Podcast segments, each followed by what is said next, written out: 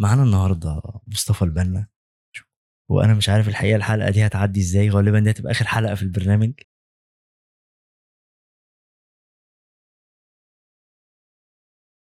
فأنا إيه عيطت. أبويا عيط. أم عيط. شغلانة سوداء الشموع السوداء. وطبعا كل ش... كل حد بقى في الشغلانة دي نسيت أحكي لك اللي يقول لك إيه أنا عارفك وبشوف فيديوهات. طب كلمنيش ليه طيب؟ ما بتكلمعكش رصيد. لقيت جايب أسبانيا. ما دي المواقف ما أنا بقول لك المواقف. أهم مخرج في مصر وأهم مؤلف في مصر. مم. حصلت. يعني دي فعلا أنا اتخضيت لما شفتهم يعني فاهم؟ قال لهم إيه؟ عايزين نعمل له فيلم. مصطفى النهارده حب إن إحنا يعني نبدأ بداية مختلفة فهنبدأ الحلقة النهارده من غير مقدمة بس أنا مش قادر الصراحة. إحنا معانا النهارده مصطفى البنا ومصطفى البنا من الناس الجامدة جدا اللي أنا شخصيا بتابعها في التعليق الرياضي. أنا مش كروي بس بحب أتفرج على التعليقات الرياضية منه الصراحة.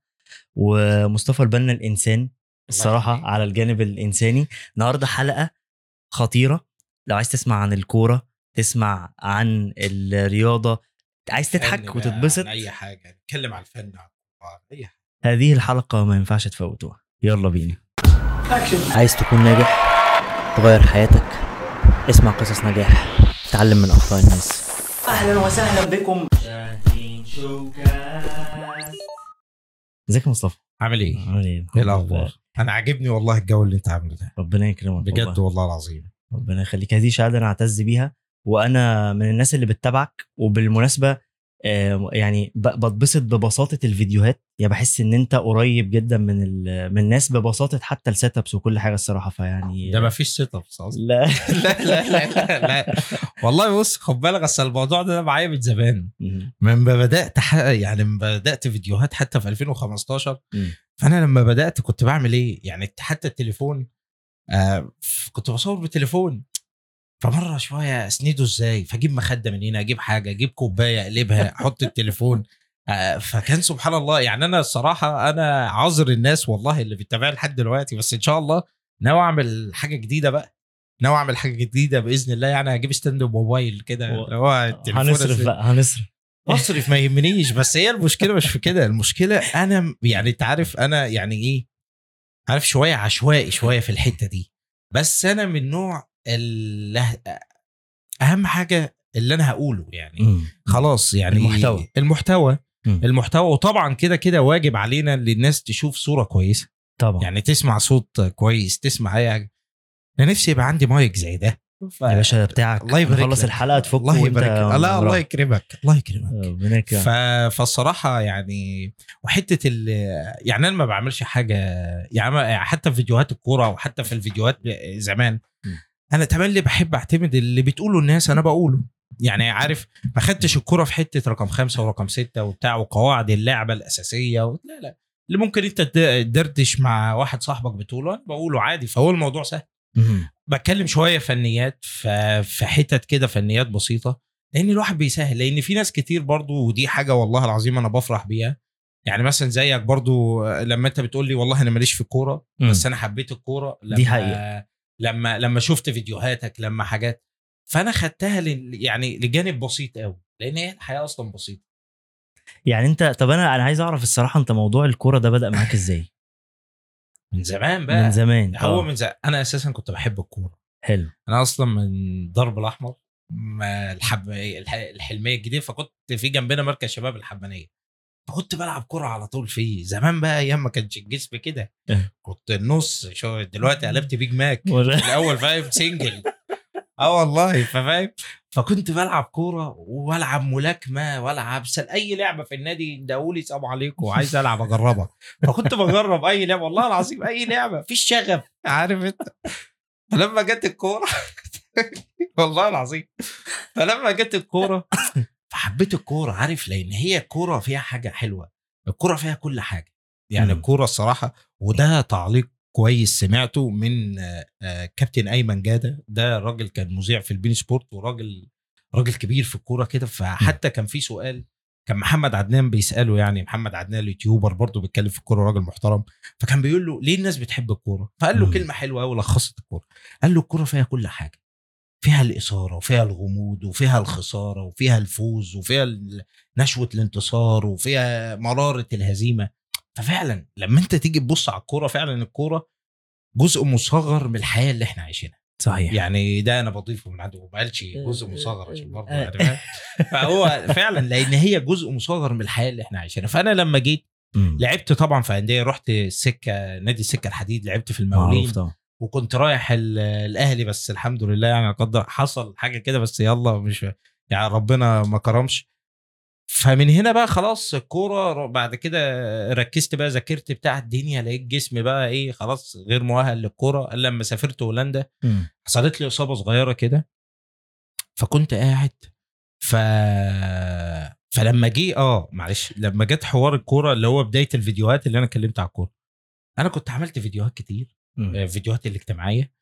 فكان في تصفيات اللي كنت بتتكلم فيها عن الخطوبة والجواز والجواز والطلاق والمترو وكل حاجة اتكلمت عنها الصراحة. حلو جدا. يعني فاهم كلم... دي بقى فترة هولندا يعني دي هنرجع لها لو انت عايز. تاخدها بالترتيب. آه يا ريت. آه بس أنا عايزك تكمل الحتة بتاعت بداية الكورة وبعدين أروح للأهلي عشان دي حتة لو حلو. حابب تشارك لا لا طبعا. لا أنا بداية الكورة آه بداية الكورة يعتبر جات لي آه آه كنت أنا كان في ماتش تصفيات آه كأس العالم. امم كان ساعتها كوبر هو المدير الفني أو تصفيات أمم أفريقيا مش فالمهم عملت فيديو عن الكورة يعني اتكلمت وبتاع وكان محمد صلاح آه لسه محمد صلاح آه في في روما.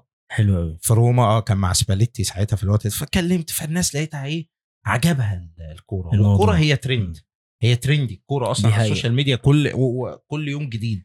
ما بالك إحنا عندنا في الدوري المصري كل نص ساعة جديد يعني في العالم كله فإحنا عندنا فابتديت أتكلم على الكورة فلقيت. محتوى عاجب الناس فقلت أكمل فيه عادي وفي نفس الوقت أخده في الحتة اللي هي إيه اللي هي بتاعتي برضه ما ما أخرجش منها لأن في ناس كتير دلوقتي بتقدم محتوى كورة صح في ف... فكل واحد بي... ليه طابع خاص وكل واحد بيتكلم بطريقة معينة مم. اللي بيتكلم في طريقة اللي هو الكورة قوي فأنا ما... فأنا حبيت أخرج اللي هو يقول لك ده بيلعب 8 ونص وده بيلعب 9 إلا تلت وده بيلعب 10 وربع. فاللي هو إيه دول مراكز في اللعب. وده المفروض الهاف ينزل. فقلت إيه نبسطها خالص للناس. آه. في نفس الوقت الواحد يرمي كام افيه وكده وبتاع فجت من هنا يعني. أنت عارف إن أنا ما بتفرجش على حد كورة تماما غيرك؟ الله يبارك لك. لا لا مش أنا مش بقول لك أيوة، كده صح. مجاملة. أنا ما بفهمش في الكورة أيوه. ما بلعبهاش بلعب كره سلة وبادل بقى أنت شفتني آه البادل طبعا بقى مش عايز ما شاء الله. لا لا مش عايزين نتكلم يعني بخسر الله. بس. لا لا الله يبارك لك. انت كرهتني الدنيا ربنا يحفظ الله يخليك. لا لا. بس لكن أنت فعلا بتبسط ال ال القصة بتاعت الكورة وال positions والحاجات التقنية دي بتبسطها خالص فبحب صراحة أتفرج هي سهلة يعني. لأن أنا تملي حتى يعني ساعات بيجي لي comment ات مثلا يا عم ما بتتكلم زي فبقول لهم أنا رد بسيط أنا بتكلم في الكورة وفاهم كورة بس م. أنا ب... بس أنا باجي بقول يا جماعة أنا واخد الحتة دي غيري واخد آه، تفاصيل التفاصيل ممكن تروح تتفرج عليه يعني فاهم صح ودي حاجة ما تضرش بالعكس أنا ساعات بتفرج عليهم يعني زي ممدوح نصر الله مروان سري آه، عمرو نصوحي يعني فاهم. وبقى عندنا كمان ناس يعني إحنا كنا أربعة من خمس سنين دلوقتي بقى 4000 مم. فعادي ففي ناس كتير بقت بتتكلم في الكورة وفي حاجات كتير بالعكس صحيح. طب انت مش حابب ندفع كام ونسمع القصة بتاعت ليه ما رحتش الاهلي يا عم لا يا عم بلاش يا عم بلاش. لا أصلا قصة غريبة والله قصة مضحكة. طب ما أنا بحب ده هو. كان رئيس القطاع ساعتها كابتن شطة. ماشي. فإحنا كان في ماتش الأهلي والسكة. فأنا نزلت لعبت فكنت عامل ماتش حلو. فالكابتن شطة قال لي أبوك فين يا ابني؟ قلت له أبويا قاعد هناك أهو. فقلت له تعالى يابا تعالى الله يرحمه بقى. قلت له تعالى يابا كابتن شطة عايزك. قال لي مين يا ابني؟ قلت له الكابتن شطه بتاع. أبويا أهلاوي قوي أصلا العيله الله. اهلاويه رحت له قال لي بقول لك تجيب لي ابنك وتجي لي يوم الاربع حلو. ما نمناش بقى يوم أسود بقى فاهم المنطقة والدنيا وبتاع خلاص بقيت بتعامل كابتن النادي الأهلي اللي بقاله 20 سنة فاهم. يوم الثلاث الكابتن شطه مشي من الأهلي وتعاين الكابتن فتحي مبروك. رحت تاني يوم فاهم اللي هو أنت مين يا ابني؟ ففضلت أكمل حادي في السكة بقى لحد ما أقطع التذكرة بتاعت السكة الحديد يا راجل ما كنتش عايز تحكي لنا القصة دي لا بس قصه رهيبة. هي لا بس هي قصة يعني فاهم؟ أصل عايز أقول لك القصة دي حصلت لي في التمثيل برضه. لا لا. مرة برضه بس الموضوع ده كنت قبل مسافر هولندا. أوكي. فكنت مسافر هولندا فكان في اختبارات. أستاذ محمد صبحي كان بيعمل اختبارات ليوميات ونيس الجزء السادس كان لسه هيرجع. فكان عامل اختبارات في مدينة سنبل فسحله برضه اسكندرية. واحد صاحبي يقول لي ما تيجي وبتاع. قلت له هاجي فين يا عم؟ أنا مسافر كده كده بعد أسبوعين مسافر هولندا وخلاص التأشيرة وكل- والنتيجة هتظهر بعد شهر فمش. قال لي يا عم تعالى بس وبتاع وشجعني ونشجع بعض. مسلسل ونيس يعني ده مسلسل ونيس الجزء يعني السادس آه. وهو كان طالب وجوه جديدة. طبعا إحنا رحنا مشوار سحله برضه آه طبعا. فلقينا لك زربيح م... ناس كلهم يعني عندهم مواهب تقيلة وأنا عشان طبعا. كنت بمثل مسرح برضه من وأنا صغير. مسارح هواه وقصور ثقافة وكده. فطبعا عارف الناس دي يعني عارف لما في أشكال تروح- معينة أنت بتشوفها؟ فاهمها. فبقول له شفت يا ياسر؟ شفت يا ياسر؟ قلت لك فيها ما فلان نجيش. وفيها فلان. قلت لك ما تجيش. فالمهم دخلت رحت. فخلصت برضه إيه. وسافرت هولندا. لقيت. أبويا بعد شهر بيكلمني. بيقول لي يا ابني مكتب أستاذ محمد صبحي كلمك بيقول نجحت في الاختبارات. أوبا. وحياه ربنا له خلاص بقى اعمل اير بلان موت. كنت سافرت. ما خلاص بقى. وحتى قابلت أستاذ صبحي آه. بعديها بثلاث سنين وبعديها بالثورة وبتاع كان عنده مؤتمر في هولندا. فقعدت أدردش معاه واتكلمت معاه يعني في النقطة دي وفكرته يعني كان في اختبارات كذا ومين اللي امتحنا بتاع يا نهار أبيض. يعني إحنا كان زماننا اتفرجنا عليك في مسلسل ونيس. بس أنا مش عارف يعني فاهم؟ بس قشطة يعني أنا الحمد لله أنا ببقى. عارف. يعني بص أنا تملي ماشي بمبدأ حلو قوي اللي هو إيه آه أكيد ربنا شايل لي حاجة كويسة جدا ف... ف... فما بزعلش. صح. يعني إيه خلاص آه ممكن بس يعني بص ممكن أتضايق شوية. بس خلاص بنسى. مجرد يعني هي هي ما بتاخدش معايا أكتر من ساعة. ساعة. لأن أنا لما أحكي لك أصلا لو أنا حكيت لك تسلسل حياتي أو الحاجات كلها أنا مبنية كلها على كرم ربنا وهو رضا. يعني هي نعمة الرضا دي بجد ودي أكتر نعمة بقولها لنفسي قبل ما أقولها لحد وبنصح بيها حتى أصحابي. الرضا الرضا ده مهم جدا. أنت لو فعلا رضيت من قلبك ربنا هيعمل معاك حاجات أنت مش هتتخيلها خالص. يعني طبعا. وفعلا وده اللي حصل معايا. يعني ده اللي حصل معايا في مشاوير كتيرة. لا أنا كنت عايز أسألك طب أنت أنت بتقول عن الرضا فكنت جه في بالي إيه أكتر موقف لما بتيجي سيرة القصة بتاعت الرضا والناس ترضى باللي هي فيه وكده م- ما بتنساهوش ابدا؟ تحب تحكيه آه في ال والله هو مش ح- مش يعني هو مش موقف واحد. هو في كذا حاجة يعني حصلت لي. أنا لما كنت في هولندا وقبل ما أعمل فيديوهات يعني أنا فكرة الفيديوهات جات لي أصلا من لا شيء. أنا أنا تمام. كنت نازل آه، ألعب كورة. كنت أنا بشتغل في مطعم بيتزا مم. في هولندا. ف weekend فعيال أصحابي قالوا لي تعالى مصريين تعالى إحنا عندنا ماتش كورة فقلت أروح ألعب كورة. كان بالي كتير ما لعبتش بقى والشغل وبتاع وخلاص. فنزلت بلعب كورة المهم بعمل كورة كده وبتاع وقمت واقف على الكورة فترك ركبتي عملت صوت كده يعني حاجة بقى إيه بس مش الصوت ده كده. قلت كارثة سودا وبتاع وقلت فيها حاجة يعني. مم. ف... فزي ما تقول إيه قلت لهم ودوني على المستشفى على طول. حتى العيال قالوا لي ما تقلقش وبتاع ده مش ده مزق ولا بتاع؟ ودوني على المستشفى يا جماعة ده كسر. مم. فالمهم رحت ال... رحت المستشفى. طبعا أنا خالي كان في هولندا أصلا. فرحت مم. المستشفى. ده لسه فرحت المستشفى. فأول ما دخلت عقبال ما وصلت المستشفى أنا رجلي فعلا حرفيا ركبتي بقت قد كده بقت ورمة كده. أوه. ورمة ورمة يعني ركبتي فعلا الموضوع طلع بجد يعني. لا لا لا خلاص ما فيش هزار. فأنا قلت. لعيال أصحابي إيه والكلام ده كان حاصل في أواخر 2014 كده. مم. فقلت لهم تمام وبتاع وقدر الله ما شاء فعل. طبعا أنا مغيب بقى مش عارف. وكل اللي جاي في بالي أبويا وأمي اللي في مصر. وأنا هعمل إيه؟ وأنا إيه اللي خلاني ألعب؟ يعني عارف يعني يا نهار أسود. يا عم أنا كنت شغال يعني فاهم؟ جالك بقى كده توهة. وبعدين دخلت عملت إشاعة وخرجت. وهم الأجانب بيدوها لك في وشك على طول. فقال لي رجلك اسخوي كابوت يعني إيه؟ يعني كسرت كسره كويسة. ركبتك خلاص ممكن ما تمشيش عليها تاني. قال لي في. وشي كده. طبعا مش عارف أعمل إيه يعني فاهم؟ فجه خالي وبتاع وقال لي عملت إيه؟ كورة وإحنا بتوع كورة وأنا بتاع كذا. قلت له معلش. فاهم؟ فقلت له بقول لك أنا أهم حاجة كان عندي في الوقت ده اللي أمي وأبويا ما يعرفوش حاجة. يعني. لأن هم هنقل لهم قلقي. وأنا وأنا داخل مش عارف أنا هعمل إيه؟ فقلت له يا خالي امي ما تعرفش حاجة. فضايحك كلها اقولها للدنيا قلت له امي ما تعرفش حاجة. ونبهت على مرات خالي برضه مصرية قلت له ما حدش يعرف حاجة خالص ما تكلمش أمي أمي لو كلمتك عادي أنا في الشغل ورايح تاني يوم الجامعة كنت بدرس ساعتها information system فقلت له إيه ما ما تعرفش حاجة خالص لا لا لا لا. فقال لي تمام وخلاص ما تقلقش خالي. فطبعا إيه قالوا لي فقالوا لي إحنا بقى بص بقى الغرب برضو في حتة حلوة برضو. لأن أنا عشت عشت 11 سنة بره. فاعتبر عشت شبابي. يعني من فترة 19 سنة ل 30 سنه 31 سنة فكنت قاعد بره فتعلمت منهم حاجة حلوة قوي الإنسانية. فهم. عندهم الحتة دي. يعني فاهمني؟ فلان الدكتور جالي قال لي بص أنت رجلك اتكسرت جدا فإحنا لما إحنا دورنا وعملنا سيرج عندنا في هولندا مش هنقدر مفيش دكتور هنا هولندي يقدر يعمل لك العملية دي.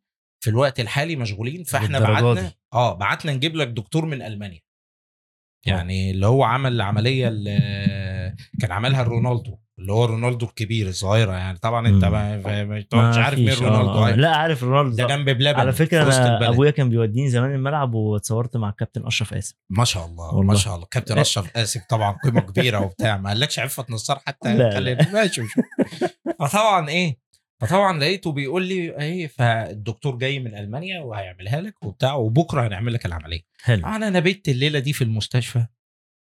فأنا كان ميعاد شغلي كنت بشتغل بالليل من 10 بالليل ل 6 الصبح. فكنت بكلم في, المطعم بتاع البيتزا. فاه فكلمت أمي عادي زيك زي أنا المعتاد كنت كل يوم بكلم أمي. أو آه وأنا رايح. كل يوم أكلم أمي وأبويا إزيكم عاملين إيه؟ تمام. فكلمتها أنا رايح الشغل وبتاع وتمام وبتاع وخلاص. وقعدنا نضحك شوية وبتاع إيه قلت لها بكرة بقى بكلمك. طبعا مش عارف إيه اللي هيحصل. يعني أنت عارف فأنا نايم في نايم في صحيت تاني يوم الساعة 2 قال لي يلا هنعمل لك إيه؟ العملية. جه الدكتور شاف التقارير قال لي آه داخلين أوضة العمليات طبعا. مم. قال لي بص هو كان صريح. قال لي إحنا هنركب لك 8 شرايح وأربع مسامير وهتزك يا نهار أبيض. ثمان يخرب. شرايح. وأربع مسامير وهتزك كم يعني قال لي رجلك هتيجي بزكة شوية كمان. هنا بقى ابتديت بقى انهار شوية وبتاع نهار طب اقتلوني طب يا عمي طب اقتلني. ف طب استنى طب ما تعملهاش طب انزل مصر. قال لي هو لازم تتعمل خلاص. فجابوا لي حتى دكتور تخدير راجل عراقي عشان يعني يتكلم عربي ويطمني وبتاع. لا تقلق حبيبي أنا عراقي قلت له يا عم عارف. وأبويا سافر العراق والدنيا حلوة وأنا بحب العراق. أنا رجلي ضاعت قال لي لا أنا مركب براغي قلت له ده وقت ترجمة. لي أنا ما كنتش أعرف براغي؟ قال لي براغي مسامير قلت له يا عم ما تقول مسامير ده أنا داخل ومش عارف. فاللي هو ابتدى إيه؟ وقاعد عايز يضحك بس فاهم؟ فقلت له إيه؟ قلت له تمام. إحنا بنتكلم. قال لي بص ما تخافش وبتاع الدكتور كايزر ده راجل.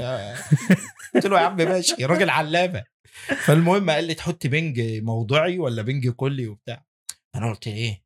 جاي في دماغي بقى كل ده. فقلت له لا. أحط بنج موضعي اللي هو حقنة في بيخدر. نص تحت نص. تحت آه. عشان أنا قلت أركز معاهم يمكن يطلع على الكلية آه. فطبعا مش في دماغي بقى ما أنا فاهم أنا قلت بقى خلاص قال لك مش رجله راعي ناخد كليته المهم فضلت قاعد حكشش طب أحكي مأساة ممكن أعيط في أي وقت فالمهم إيه اللي حصل؟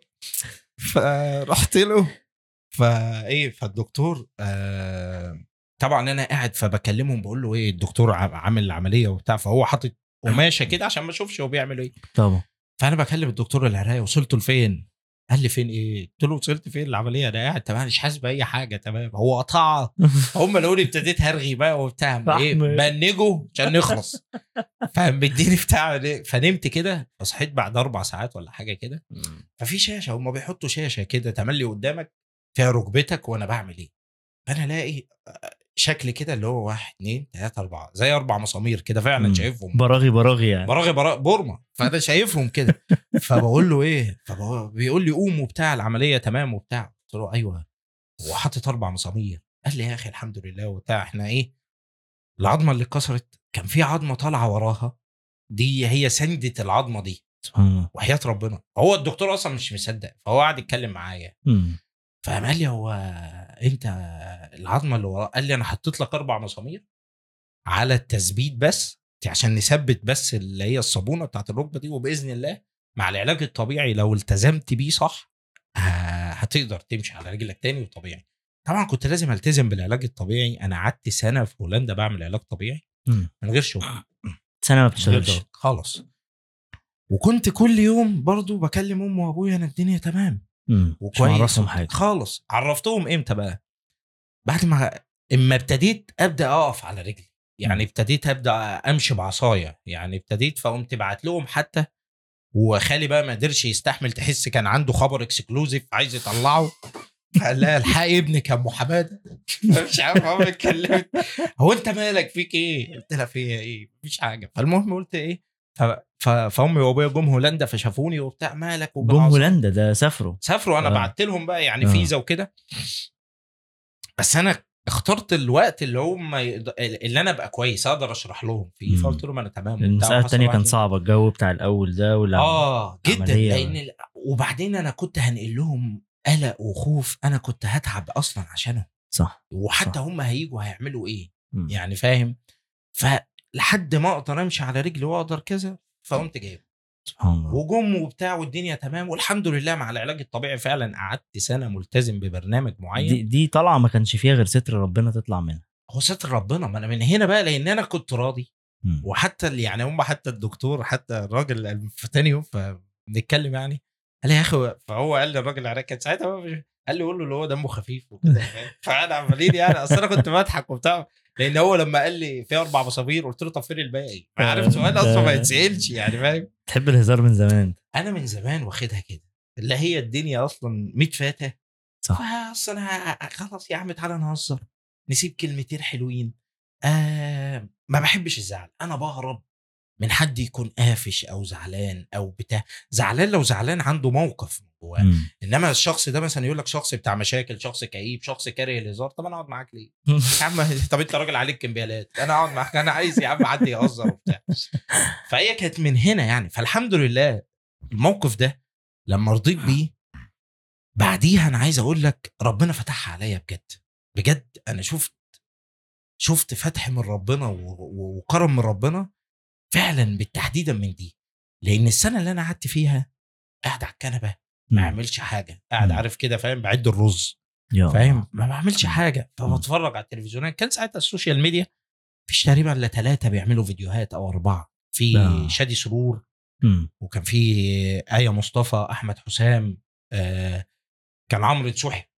برضه كان واخد لاين الكورة هو لوحده. فأنا قلت طب ما أجرب اعمل فيديوهات. ما أنا قاعد فاهم؟ يعني أنت قصة الفيديوهات دي جت من القعدة بتاعت ال- ما أنا بقول لك صد سبحان الله. جت من هنا آه. أصلا. آه. أنا قلت أنا قلت من هنا قلت طب ما أقوم أعمل فيديوهات. إيه المشكلة يا عم؟ جرب يمكن أطلع بعرف. أجرب أعمل فيديوهات. وبعدين اللي هو إيه؟ أنا مش مستني حاجة. أنا كنت نفسي أعمل أي حاجة في الوقت ده تبسطني. اللي هو لو جالي like واحد أو comment واحد آه درش وبتاع وضحكوا هو ده اللي كان يبقى. أنا بعمل حاجة تبسطني أنا مم. أنا مش ما كنتش مستني حاجة خالص من حد لأن تهون عليا حد. فطبعا وقفت كده ولبست جلابية وقمت عامل بقى دخلت جوه character فيديوهات سعفان بقى آه اللي هو إيه دي؟ أنت بدأت على طول أول حاجة بالفيديو بتاع أنت لبست الجلابية بس سعفان جه في الفيديوهات اللي بعد لا، كده سعفان جه بعد بعد, كده. خامس فيديو آه، كده ولا آه. حاجة بس أنا متابع من زمان أيوه لا لا فجه بعد خامس فيديو كده ولا حاجة ف ف... ف... ف... ف... فعملت كام فيديو كده. فطبعا كنت طبعا طبعا زي أي واحد فكنت ببعت الفيديوهات للعيال أصحابي خش شوف الفيديو. إيه رأيكم وبتاع؟ خش في... أنا أخش أشوف الفيديو وأعمل لايك وكده اخش أشوف الفيديو واشوف إيه الدنيا. فطبعا فهم كانوا بيخشوا يشوفوا وبتاع. فحلو تمام بتاع خلاص مرة على مرة مم. فعملت فيديو آه عجب الناس. حلو. كنت بتكلم كده فاهم؟ نزل على صفحة كان في صفحة ساعتها اسمها Dubsmash Egypt آه آه طبعا. فعملت فيديو آه عملت فيديو فهم خدوه فإيه ده مين ده وبتاع وكده. فمن هنا جت الفكرة الفيديوهات. طبعا سعفان ده كان في دبدوب ورايا كده فانا في الوقت ده كنت قاعد عند خالي. فك- فبنت خالي كانت صغيرة كده فكان عندها دبدوب صغير فهي كانت معلقاه مكان stand التلفزيون كده ما أعرفش. فأنا ببقى واقف بعمل فيديوهات فلقيت لك ناس علقت على الدبدوب. ما مين الدبدوب ده؟ شبهك أنتوا قرايب أنتوا طيب. فأنا إيه عجبني الحتة دي. قلت طب بدل في بقى واحد غيري يخش وبتاع ويتخانق وبتاع لا بالعكس. أنا عجبني الحتة دي فقلت خلاص طب ما أنا أستغل الدبدوب ده وأعمله character معايا أوراكور ويطلع معايا كل طالما الناس عجبها. فقمت عملت له اسم سعفان وبتاع وبقيت بكلمه كل آخر فيديو وبتاع. وعايز أقول لك كمان اسم سعفان ده ارتجالي. يعني هو جه وأنا في الفيديو. أوكي. يعني في مرة كده وأنا واقف بقول لك يا عم سعفان بس. وخلاص ما فيش ولا محضر له مفيش قصة. ولا محضر له. ولا عامل له ولا بقول اللي هو أنا أسميه سعفان خالص. يا بس هي كانت فقرة الصراحة كانت فقرة و... وأنا فاكر أول لسه فيديو موجود بس أنا إيه ما أنا ما أنا لسه. هظهره بقى الأيام الجاية بيني وبينك هظهره بقى الأيام الجاية وهيقعد جنبي و... وهنعمل بودكاست هيبقى اسمه بودكاست بقى البنا وسعفان؟ البنا وسعفانه تبقى آه والله فعلا حلو يعني جدا. أنا أعمل حاجة كده ف... فعشان كده بقول لك بقى إيه فتحت من هنا. جت من خلالها ال social media هوب. فجأة لقيت إيه كرم من ربنا وابتديت أتعرف على الناس فآه فعشان كده بقول لك فلقيت بقى من ساعتها من هنا جت فكرة الفيديوهات بقى.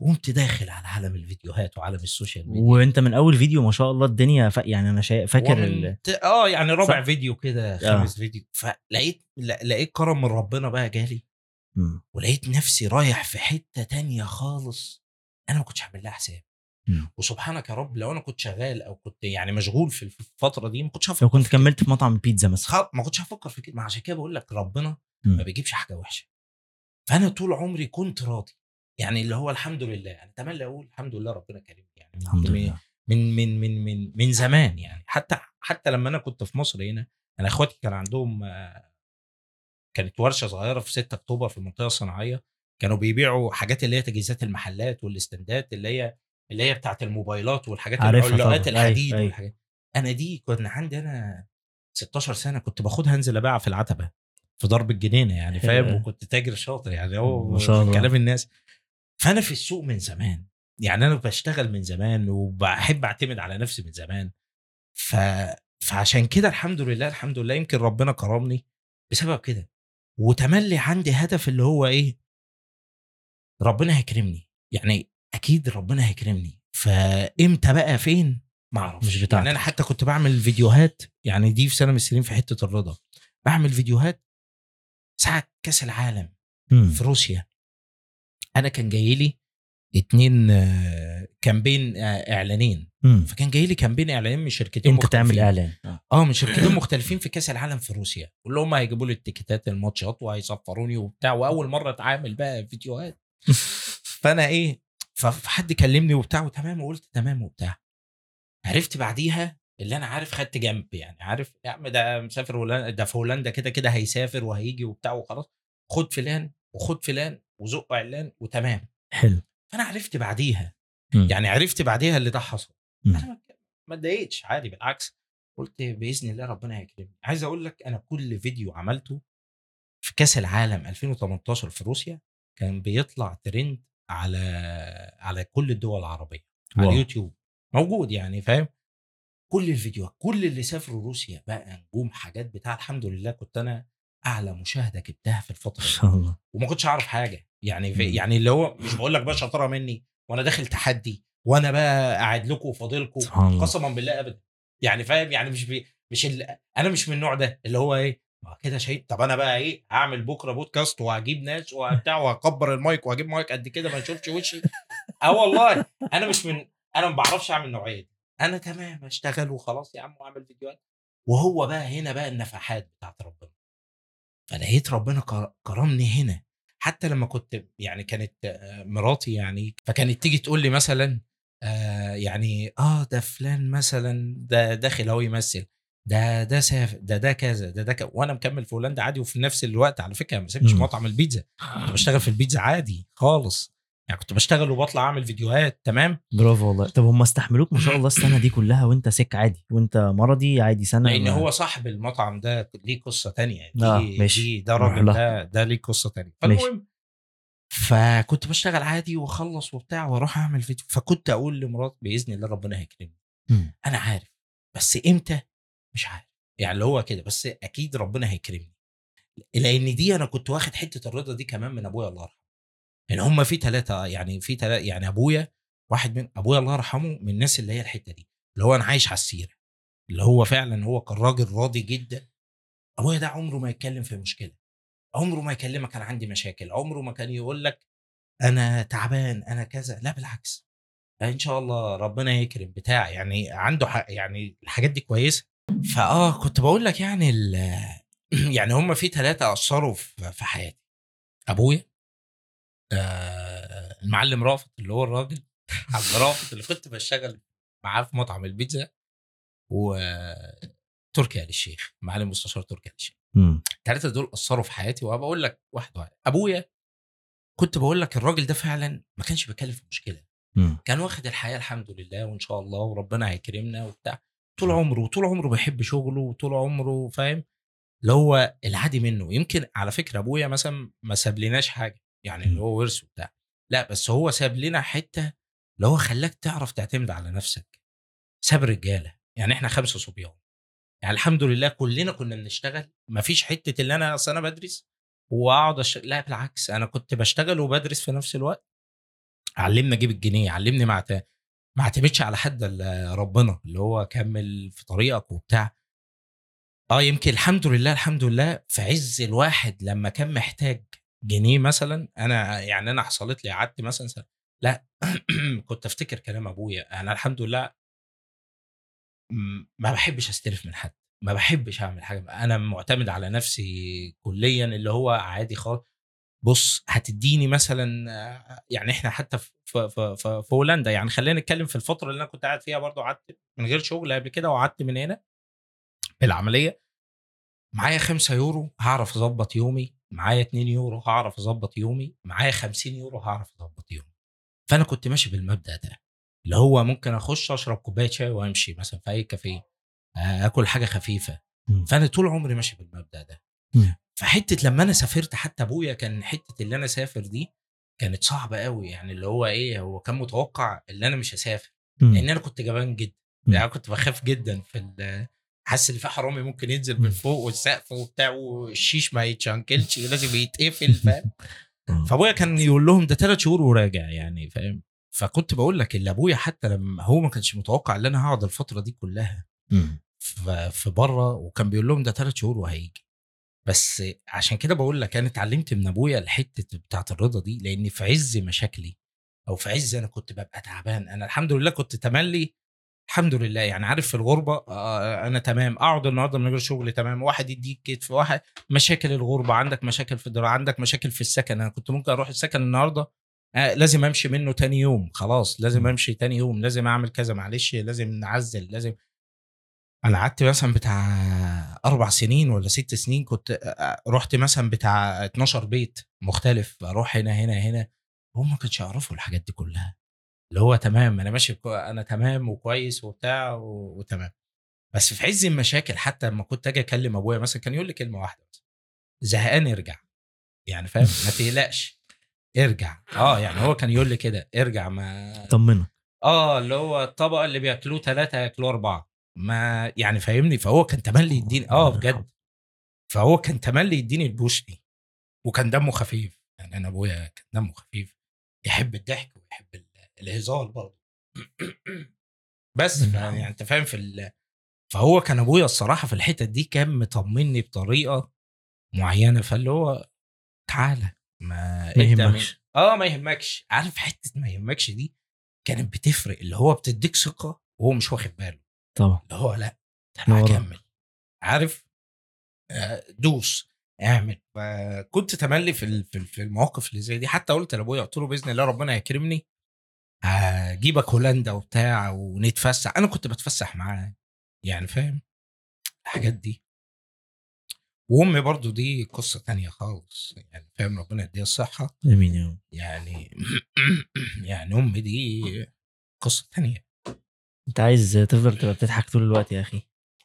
وبعدين آه، يعني أنا بتعمد دايما لو حد آه، والده كان مؤثر فيه وفي حياته. آه، انت جبت سيرته دلوقتي وبالخير والناس اللي بتسمعه في البودكاست تسمعه وبتتفرج معانا على الحلقة تدعي له فانت عايز تبخل عليهم يعني يا أخي تتكلم عنهم؟ آه لا طبعا. لا عشان كده ووالدتك أكتر أكتر حاجة أثرت في حياتك إيه؟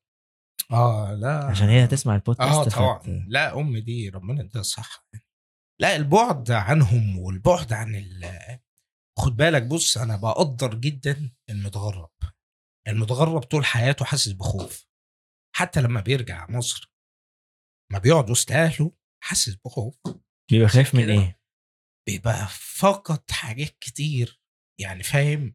في عنده حاجة كده وقعت وبعدين اللي بيعيش بره فترة وبيرجع هنا بيبقى عنده عارف طب أنا فين؟ طب أنا كنت متربي على حاجات أو عايش حاجات. عشان كده أنا تملي بقول لك اللي عايش بره ودي حتى أقولها لكل الناس اللي ليه صاحب بره اللي أهل اخ بره حاجات بتاع في ناس تعبانة كتير. ما تصدقش حد يقول كده. يعني ساعات المتغرب ده يقول لا أنا كويس تمام بس هو متدمر. يعني فاهم؟ هو عنده هدف وعنده اللي هو قادر يعيش وقادر يقدر يكمل وبتاع بس هو لأ هو بيبقى تعبان من جوه. تبقى عارف اللي في حاجة ممكن تجيله. يعني عارف الأمان حلو ومهما تعمل يعني عارف دي تملي أقولها المصري المصري كمان بره طول عمره عايش عيشت الراجع حتى لو هو مش بيفكر راجع. فأي مصري أو أي صاحب ليك عارفه بره هتلاقيه شايل شنطتين ثلاثة تحت السرير فوق السرير تسأله يقول لك دول لمصر.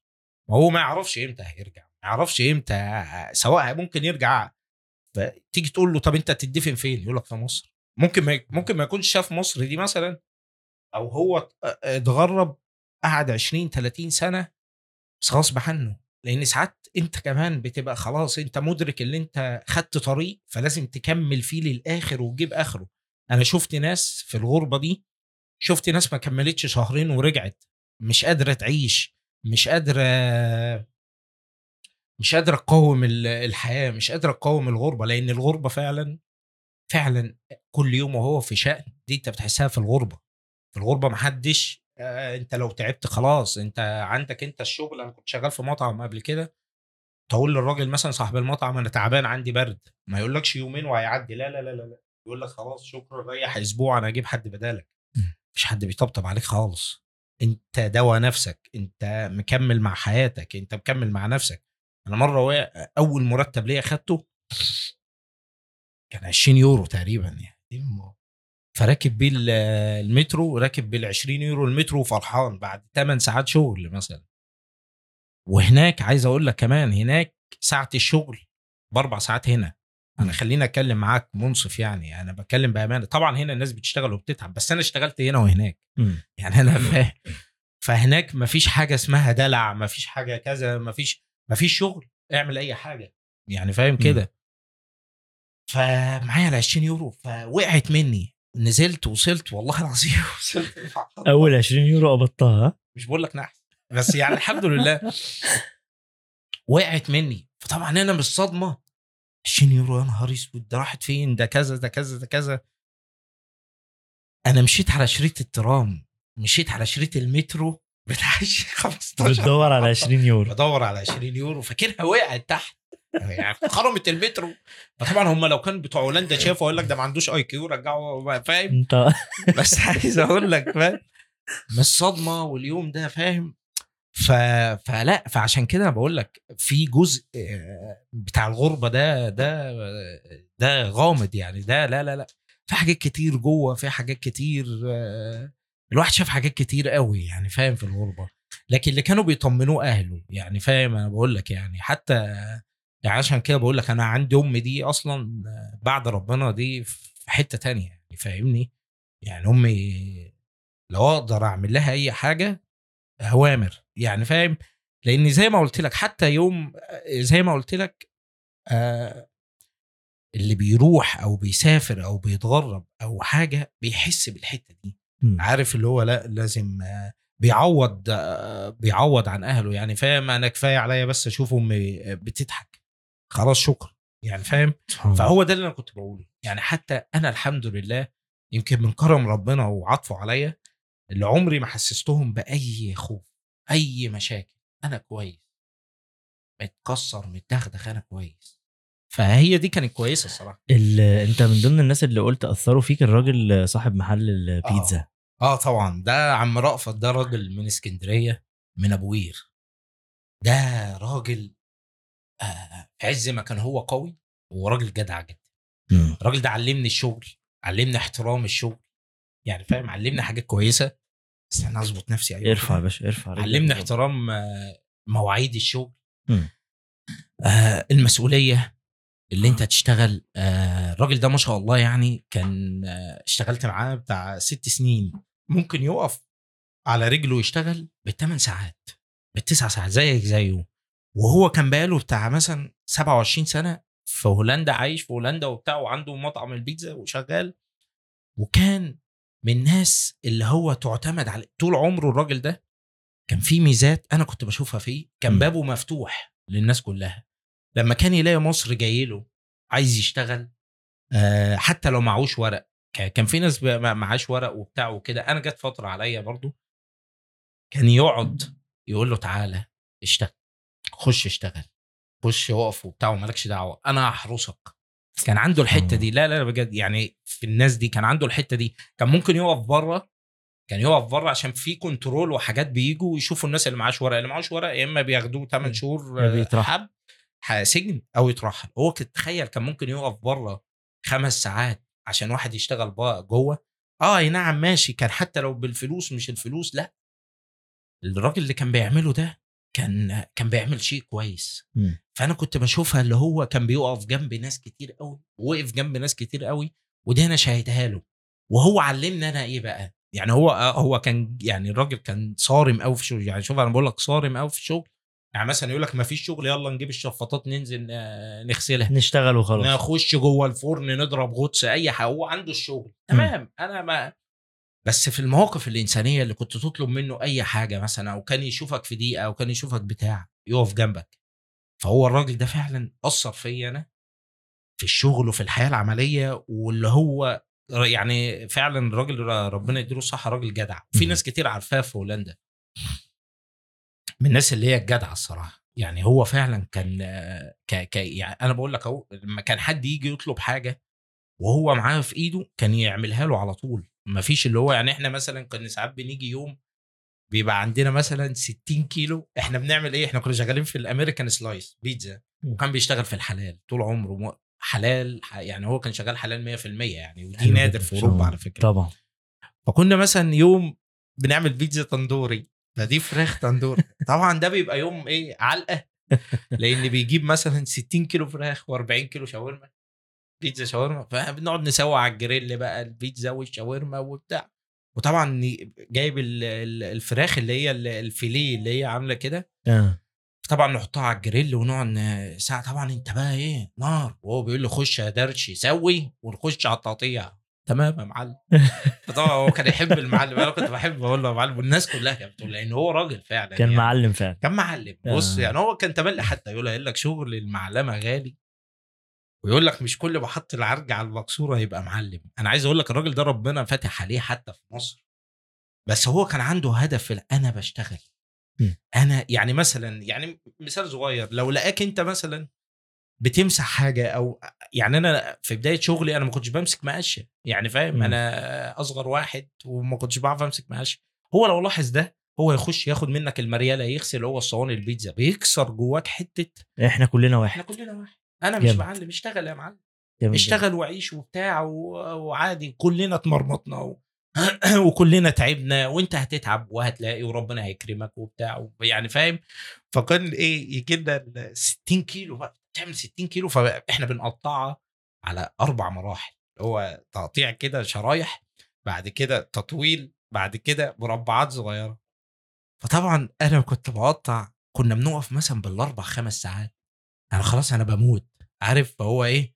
أيوه درش. شغال وبتاع ده. هو ما شاء الله شغال. شغال أنا مكمل. يعني الراجل ده أنا نفسي في يوم من الأيام أعمل يعني فيلم قصة حياته. أنا بقى أنا كاتب لأن الراجل ده فعلا من الناس اللي هي تأثر في الواحد في الغربه عارف اللي هو يثبتك. ما هي الغربة دي زي زي صرافه الهجاج كده. لما جابوا له يوسف شعبان عشان يهيئه ويثبته ويقول له أنت هتقابل يهود؟ تعرف اللي هو ليفي؟ فهي الناس دي. فهو الراجل ده فعلا كان يفهمك مفاهيم الغربة كان بيديك مفاهيم الغربة. مدرسة الغربة كان بيعلمها لك وانت مش واخد بالك خالص. ففعلا إحنا كنت كنت اشتغل وبتاع وهو راجل شغال يقطع وينزل ويعمل ويشتغل بإيده. من الناس اللي هو كان بيشتغل بإيديها.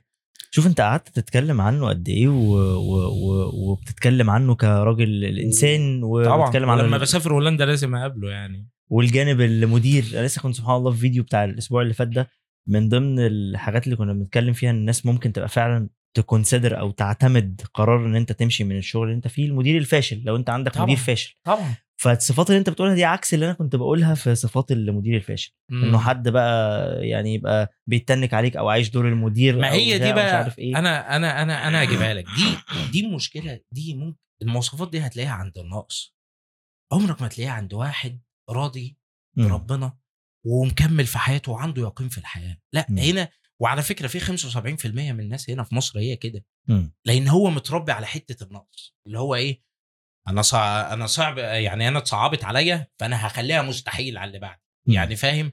مع إن هو لو واخد الدنيا سهلة وقال لك أنا أقف مع الناس وإيه المشكلة وأحتوي مثلا أحمد أو أحتوي مصطفى أو أجيبهم وبتاع ويشتغلوا وأنتوا لسه شباب وما يا عم ما أنا هذكرك في الخير بعديها صح. أنا هقول لك كده بالخير صح. مش مستاهل الأجانب عندهم الحتة اللي هو إيه بيحتويك صحيح يعني فاهم يعني يعني خلينا نت- نتفق أنا شفت يعني أنا شفت في هولندا جنسيات كتير وطبعا ديانات مختلفة وناس مش مؤمنين بربنا أساسا مم. تمام بس كنا بنتعامل كنا بنقف عند نقطة واحدة اللي هي حتة الإنسانية مم. أنا بحترم دينك أنت بتحترم ديني دي اللي تهمني. صح. ماليش دعوة بقى أنت بتشتغل إيه ماليش دعوة. آه كان في ناس عنصريين. مم. كان في ناس مثلا أول سؤال يجوا يسألوها مثلا أنا عندي ال- مراتي محجبة الحمد لله مم. يعني فاهم؟ وهي كانت معايا في هولندا وهي كانت شاطرة في الشغل وبتاع. ما- مثلا كان في شغلانة حلوة جدا. قالوا لها هو أنت بتصومي رمضان؟ قالت لهم آه.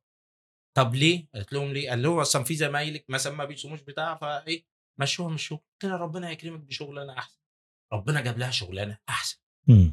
فاهمني. فهو ده اللي بقول لك عليه اللي هو إحنا بنصعبها على نفسنا فهي الدنيا مش مستاهلة اللي أنت تصعبها. واللي أنا أقعد أكرهك في الشغلانة ما أنت كارهها وأنا كارهها. فكلنا بنضحك على بعض وبنشتغل عشان لقمة العيش. هي الهدف هي الهدف المعين لقمة العيش. أنا عايز أشتغل. الأجانب بيشتغلوا كده كده الخمس أيام. خمس أيام ثمان ساعات في اليوم شغل شغل. ويجي ال weekend يخرج له يوم الجمعة يلعب ينبسط بدل. شوية يلعب padel. pool أو بيش لا بيشرب بقى يعني فاهم بيشرب يروح الديسكو فاهم ساعتين. هو صاحبته ولا حاجة ويفضل شغال لحد يجمع فلوس أجازته عشان يسافر يقضي أجازته بره في أي دولة يجي مصر يروح أي أي دولة في في أوروبا. فهم بيستمتعوا في كده. إنما إحنا عندنا بنستمتع إزاي؟ أحرق دمك. عكننك حتى في الشغل فاهم؟ يعني إحنا عندنا مصنف موظف العصفورة الموظف ده في الغربة على فكرة كنا بنلاقيه عادي خالص يعني فاهم؟ هنا بسافر برضو موجود عادي. ما هو أصلا جيناته هنا المصري بقى ما إحنا بسم الله ما شاء الله يعني في عندنا ناس كده وناس كده زي ما بقول لك زي فيلم همام في أمستردام. هتلاقي ناس مثلا طه وناس سيد شعلة اللي هو طه لما سيد شعلة راح زقه في الشغل وخد مكانه. ده موجود يعني كان في ناس مثلا يجي يقول له إيه؟ يعني بي- بيبقى واكل معاه دي أنا شفتها مثلا يقول له أنت بتدي مثلا شاهين كام؟ يقول له بديله 30 يورو آه، في اليوم. يقول له اديني 20 يورو وأنا وأنا آخد الشغلانة مكانه. يا نهار أبيض. عادي خالص آه،. فاهم؟ فعشان كده أنت أنت ما إحنا رحنا لهولندا وما قلناش القصة أنت أصلا سافرت إزاي؟ يعني أنت دلوقتي أنت معاك جنسية. أنت معاك لا جنسية لا لا دلوقتي. لا لا لسه. معكش الجنسيه لا لا لا لسه. أوكي. لسه معايا المصري. امم آه راجل مصري يا بيه. طب بس معايا الإقامة الدايمة يعني. أوكي ما شاء الله. القصة بتاعت هولندا أصلا جت إزاي؟ يعني سافرت آه، أنا بإذن الله انتظروني في برنامج قريب. لا لا بقول لك إيه فكك بقى من الجو ده. هحكي لك هحكي أنت. هتحكي لي إحنا اللي بيجي هنا لازم يحكي. هو البرنامج وانتظر- طبعاً- وانتظروه طبعا البرنامج لا لا. الحلقة ثلاث أيام عشان أبقى- لا لا أنا سافرت هولندا أنا خالي هناك في هولندا. وأنا عملت له كام حاجة هنا في مصر كان طالب مني كام حاجة أخلصها له ففي ففي حاجتين كده آه. ما كانش هيخلصوا. لولا بقى ستر ربك وبتاع فخلصت وهي مشيت معايا. إيه ده أنت عملتها إزاي؟ قلت له عيب وأنا مش عارف هي مشيت إزاي يعني فاهم؟ آه والله يعني فاهم عيب وبتاع وخلاص فهو جاي يديني فلوس يعني عارف هدية يعني وبتاع شكرا لتع... قلت له لا بص أنا عايز أسافر مم. فسفرني لو لو في فرصة إن أنا أسافر بره مصر أسافر. آه، أشتغل هناك وبتاع وكده قال لي طيب ماشي نقدم لك آه، في جامعة فقال لي تمام سيب. فست شهور كده سبته خالص تمام. فإيه ابتديت أفكر بقى طب إيه أرجع أخرب عليه تاني. عارف اللي هو بس إيه فأنا كنت مكمل في حياتي عادي وشغال مع أخواتي عادي فاهم؟ وانزل شغل عادي. فنسيت الموضوع فقال لي ابعت لي ورق الدراسه بتاعه فبعته فقدمناه لمدرسة هناك يعني جامعة اسمها Haagse Hogeschool في The Hague يعني. فكنت أنا هنا بدرس برضه information system فما كملتش سافرت من سنة ثالثه. فسافرت هناك فلازم هناك طبعا أنا مسافر أوروبا آه، هولندا طبعا. لازم أتعلم اللغة الهولندي لأن أنا مسافر معايا ثلاثة yes واثنين no وبضحك. يعني فمفيش إنجليزي خالص اللي هو what's your name تمام. how old are you where are you from تمام. أكتر من كده بضحك بقى. لو عارف اللي هو لو جه قال لي مثلا فاهم؟ why فاهم أنت إيه؟ مش what about for أيوه طبعا. عارف اللي هو إيه؟ فعلا كنت كده. فالمهم جيت آه، فطبعا إيه جت الدراسة فسافرت. فسافرت وبتاع وكده. فكنت لازم أدرس اللغة الأول فتعلمت اللغة الهولندي الأول. درستها في سنتين وبعد كده جت في ال information system برضو كان اسمها informatica بالهولندي برضو ما كملتش. سبحان الله لسه فاضل لي سنة بس بإذن الله ما كمل. أنا ما, ما, ما في يعني فاهم؟ قلت أكمل. ليه بقى؟ لأن أنا قلت أشتغل فاهم؟ لأن ليه؟ ما كان هقول لك ليه. أنا كنت لازم أدفع 10000 يورو في السنة. مم. يعني كنت لازم أدفع 10000 يورو كل سنة لأن أنت طالب أجنبي فدي مصاريف دراستك.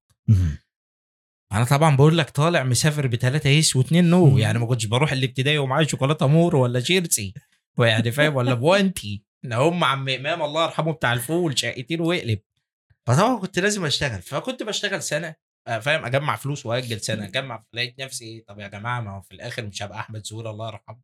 information system يا مصر كلها information system وهولندا لقيتهم مرة واحدة دخلوا information فقلت خلاص أنا هأجل تبقى سنة في سنة فأجلت. حلو. وبقيت بشتغل واخلص ف اجلت بعد بعد أربع خمس سنين دراسة لقيت نفسي دافع رقم كبير فقلت خلاص إيه أجل شوية كده وأشتغل شوية أجل شوية وأشتغل. بس فهي من هنا جت بقى جت القصة بتاعت هولندا بس أنت آه، أنا أنا خلي بالك أنا مش هحرق لك البرنامج وأسيبك يا براحتك. عم لا عادي بالعكس بس والله أنت لازم والله. تحكي لنا أنا عارف إن أنت آه، على جنب بقى مصطفى بالمناسبة يعني يا جماعة بيقتلنا ضحك. إحنا أنا المرة اللي فاتت عيطت من الضحك. من المواقف اللي حكاها لنا في هولندا. فأنت أنا مش هقول لك تحكي لنا كل المواقف لكن ادينا موقفين ثلاثة يا سيدي حتى احكي احكي اللي انت حكيته لي آخر مرة كنا قاعدين فيه.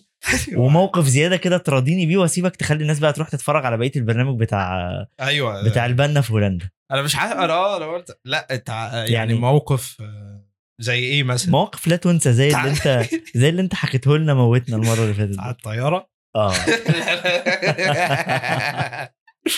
بالك أنا كنت بعمل برضه stand up comedy كده شوية في هولندا يعني مم. عملت كام مرة كده. في هولندا برضه مع حفلات مع المصريين.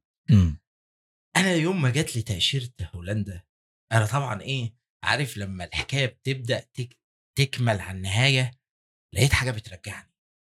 سيب مصر. عارف اللي هو بقى إيه؟ آه. طبعا أنا من عشاق بقول لك رأفت الهجان. يعني أنا حافظه صم. مم. يعني أنا صاحبي أستاذ كريم محمود عبد العزيز يعني ابن الفنان الراحل محمود عبد العزيز بنقعد أنا وهو يعني مثلا إيه بيقول لي أنت حافظ المسلسل حافظه صم يعني أنا. كنت بشوف المسلسل ده ثلاث مرات تحب. الحاجات المصرية والجو المصري وال آه صح؟ آه، آه يعني أنا آه. بحب يعني فاهم ده لسه أحكي لك بقى آه. حاجات لا ده فاهم ف...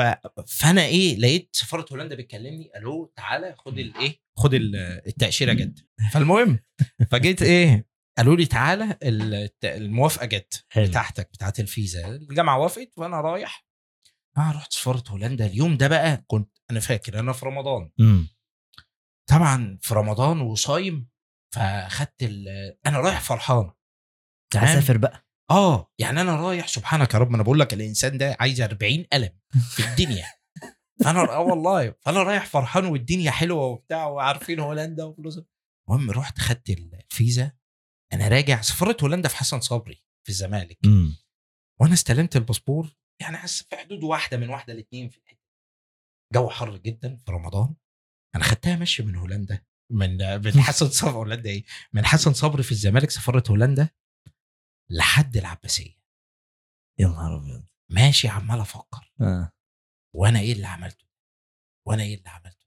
وأنا إيه اللي عملته؟ عشان مش عايز تسافر يعني مش ولا عايز أسافر. يا نهار أبيض. فجأة جه لي شوك كده إيه اللي أنا عملته ده اسافر وإحنا إحنا الحمد لله أبويا الله يرحمه يعني وأمي إحنا أسرة مترابطة قوي. يعني إحنا الخمسة إحنا خمسة صبيان أنا أصغر واحد فيهم.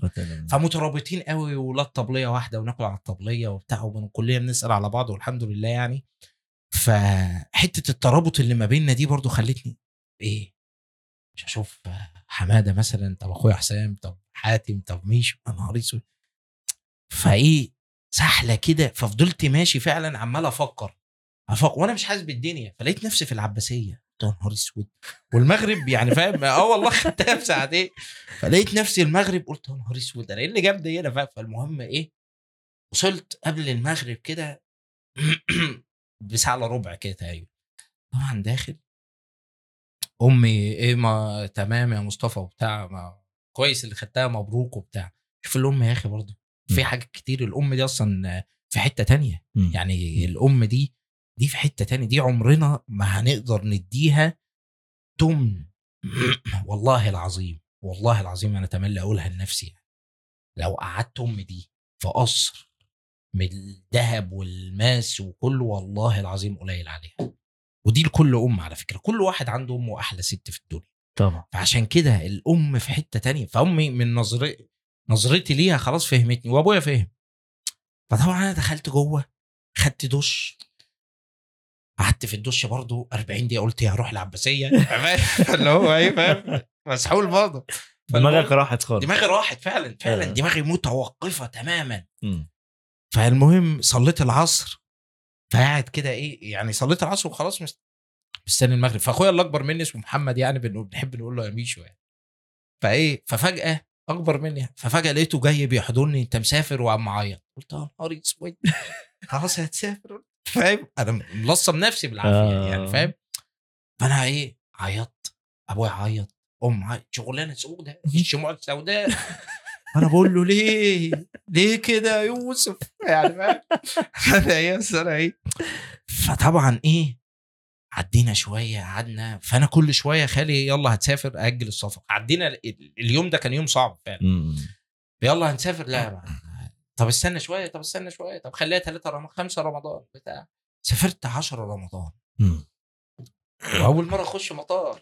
يعني فاهم؟ أول مرة في حياتي. أول مرة في حياتي أنا أول مرة في حياتي. مم. آه الحمد لله سافرت. أبويا كان بيودينا راس البر وجمصة ومطروح. دي أبعد منطقة. آه والله يعني الحمد لله.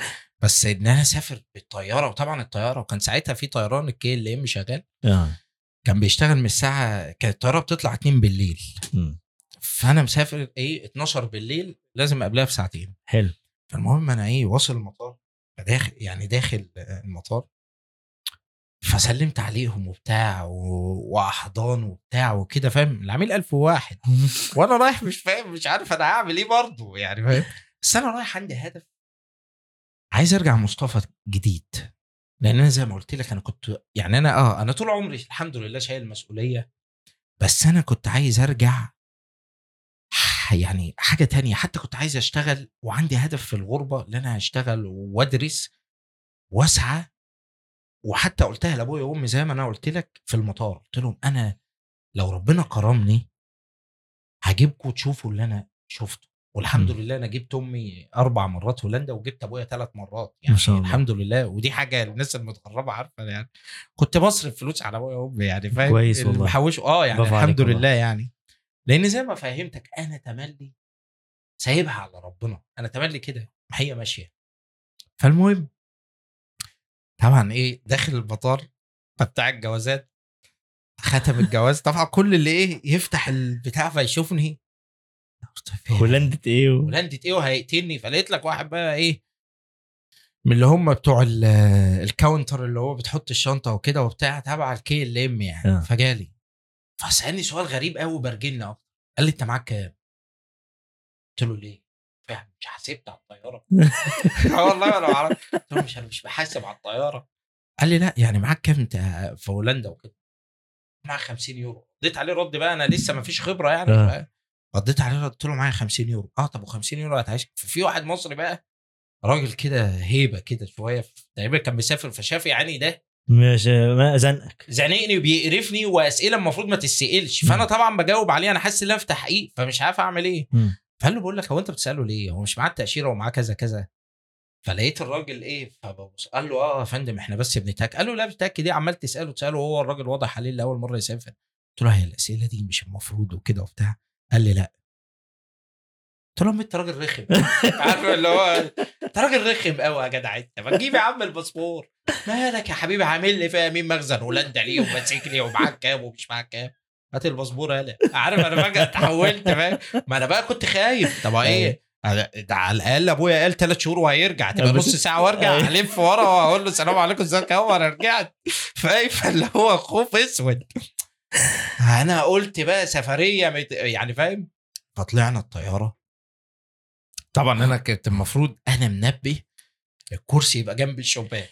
أنا نفسي أقعد جنب الشباك. ما أعرفش ليه. أنا حتى كنت أركب الأتوبيس 65 ده الدراسة جنب الشباك. جنب الشباك. وكنت مصاحب الكمساريه والسواقين عشان يروقوني. فحاجزين لي ده أول مصحف. كانوا لأن كنت بركبه من أول الخط وهو كان في زهراء مدينه نصر. فأنا قلت لك أنا كنت في زهراء مدينه نصر. ف 65 ده في زهراء مدينه نصر. فكان الكمساريه حتى والسواقين كان ليهم سيم معين كلهم اسمهم أشرف. صبح أشرف صباح الفل أشرف. والله العظيم فكنت أركب على طول مجهزين لي أول كرسي اللي جنب السواق بقى نقعد نحكي نكت نعمل حاجة. المهم أنا حاجز جنب الشباك فأنا إيه طل... فلقيت ست هولندية قاعدة كده والكرسي اللي في النص فاضي وجنب الشباك. أنا ليه لك واحد قاعد جنب الشباك عامل كده؟ في الطيارة. في الطيارة؟ طبعا آه، ما أعرفش. آه. أنا قلت للست ده رقمي. أنا مش عارف بقى ماشية إزاي بالأرقام ولا اللي يجي بدري مش فاهم. قلت لها ده رقمي وبتاع. فقالت لي أيوه أنت المفروض هنا تقعد هنا. فبقول له يا فندم آه لو سمحت يا أستاذ ده مكاني. ما تقعد يا عم. هو إيه المشكلة؟ ما تقعد هنا ولا هنا؟ أنا أنا خلاص قعدت. هي إيه المشكلة؟ هو خطفني. قلت له لا بس أنا حاجز جنب الشباك. اقعد يا عم وخلاص. فأنا طبعا إيه في زحمة بقى وحتة الشنط وحط قلت اقعد بقى وأنا متقرف فقاعد فطبعا لقيته بيقول لي أنت رايح فين؟ أو نزل فين؟ آه رايح فين؟ رايح فين؟ قلت له آخر الخط أنا بقى مش طايقه خالص بقى وهو باين عليه راجل طيب قوي كده فاهم؟ برضه من الناس اللي هم أيوه كلنا فلاحين فهو أيوة. فلاح وأنا برضه في الأساس فلقيته إيه؟ قال لي أيوه وعلى كده بقى حلو قال لي يعني رايح هولندا قلت له أيوه رايح هولندا يا عم إيه المشكلة دلوقتي معاك هو في إيه الدنيا وبتاع قال لي لا ما فيش. قلت له على فكرة ده كان كورسية. قال لي هتفرق. يا عم ما كلنا نازلين وبتاع. بقول لك إيه الورقة اللي كانوا مدينا في المطار دي فيها حاجة؟ آه طبعا هو كان قلت له لا ما فيهاش حاجة يا عم أنت مش كتبتها والدنيا تمام. خلاص يا عم سيبنا الله لا يسيئك وتمام وبتاع. فطبعا الطيارة خلاص إيه بتقفل والست قالت boarding تمام وإحنا مستعدين نعمل إيه؟ إقلاع. إقلاع اللي هو ال landing take off فالمهم أنا إيه قاعد جنبي دايس الزرار. طبعا كل الناس حتى الحزام الطياره طرف فهو مدايس الزرار فمحدش جاله. آه. جوش ليه؟ مش دافعين فلوس. قلت له يا عم انت ليه محسسني ان الطياره بتاعت أبويا؟ يا عم أنا زي زيك قاعد بقول لك إيه؟ اهدى شوية اهدى شوية نركب وبتاع قال لي لا أصلا غريبة ما أنا عايز يعني فاهم حتى يجيبوا لنا أي حاجة. قلت له طب تمام إيه ده؟ أنا برضو إيه على الأبيض فاهم؟ آه. وطبعا جنبنا ست هولندية طبعا عمالة تبص لنا بقرف إزاي دول خدوا الفيزا؟ يعني دي أصلا ما إيه نفسها نفسها تفتح الباب وتطردنا إحنا الاثنين ده أنتوا حرق الدم ليه بقى؟ لأن أنا المفروض إحنا الاثنين بنلعب لعبه على بعض. هو مش فاهم وأنا مفهمه اللي أنا فاهم. يعني فاهم؟ وأنا مش فاهم. فعينه ليه هرشه كل ده إن أنتوا الاتنين مش مش فاهمين. فاهمين. فهي إيه تلاقيها بتشتمنا بالهولندي جابت سلسفين العيلة. فاهم؟ فالمهم فبعد ما الطياره فالست جات له فقام إيه فقام آه، قال لها إيه آه، فبيقول لي قول لها تجيب مية. طبعا أنا مفهمه بقى اللي أنا ضايع في الإنجليزي يعني فاهم؟ يعني اللي هو إيه آه والله مفهمه. فأنا بعمل له إيه فطبعا أنا مش عارف بقى أنا اتحرك فالست واقفة وبتاع فقالت excuse me يعني excuse excuse me فطبعا أنا ما- إيه أنا بصيت لها فقمت عملت لها كده water حتى عملت لها حركة إيدي عشان لو ما فهمتش تتأكد. water water. طبعا أنا خايف قوي يعني فاهم؟ بكلم water. فاهم؟ فالست إيه okay آه water وبتاع. قال لي آه تمام وبتاع. قلت له خلاص ما ينفعش. قال لي لا يا عم. قلت له يا أخي بندفع آخر الطيارة. تبقى في الآخر بتدينا. ما أنا وهو على الأبيض يعني فاهم؟ هو كان راجل زي العسل فاهم؟ وبعد كده احكي لك الراجل ده. فطبعا أنا كل اللي مموتني أصلا فرياكشن الست فهو هيتجنن يعني فاهم؟ فقام جه فالطيارة طلع قال لي شايف مصر؟ قلت له أيوه يا عم شايف. شا- وأنا أردني. يا عم أنا مصري. أيوه يا سيدي. عارفها يا سيدي. ما خلاص يا ابني ما تقرفناش. بقول لك إيه يا معلمي؟ إحنا لسه قدامنا ثلاث أربع ساعات. فالست بتوزع علينا السماعات عشان إيه؟ نسد سم... آه لا السماعات عشان نتفرج آه. على حاجة بقى. نسد ودانا هي. رمتها لنا إحنا أول ناس. هي رمتها طبعا. الناس المصريين اللي حواليهم اللي عايشين بقالهم طبعا بيبصوا. هم دول اللي منسخين سمعه العرب فاهم؟ هو الواد هاريني وأنا مش عارف أقوم الطيارة كلها مليانة. فطبعا إيه الست قامت راميه لنا السماعات. لي إيه ده؟ دي سماعة ده ممكن تركب على التليفون. قلت له تليفون إيه؟ تليفون إيه؟ دي سماعة عشان تقريبا حطينا إيه؟ فأنا طبعا عمال أقول له تقريبا فأنا عمال أبص على الست الولديه هتحط السماعة فين؟ فحطيتها في قلت له أيوه يا أخي في الشاشة بتاعتي. عارف اللي هو كده قال لي طب يا أخي. فالمهم إيه أبو هو حط السماعة المعلم وفجأة مديها النومة. فاهم؟ قام نايم. فجه ساعتين النوم نور فايه؟ الست بقى معدية بعربية الأكل. دي أحلى لحظة لينا في الطيارة. وأنا برضو إيه كنت جعان وقلت آكل. فطبعا الست فبتقول لنا يعني بتيجي بتقول لك chicken or fish ولا or meat فهي كانت بتقول chicken or meat يعني. فطبعا فهي إيه لقيتها إيه إدت للست آه، قالت لها meat ف meat طبعا فأنا إيه فأنا عمال اخر الكلمة ميت. لحمة فتمام.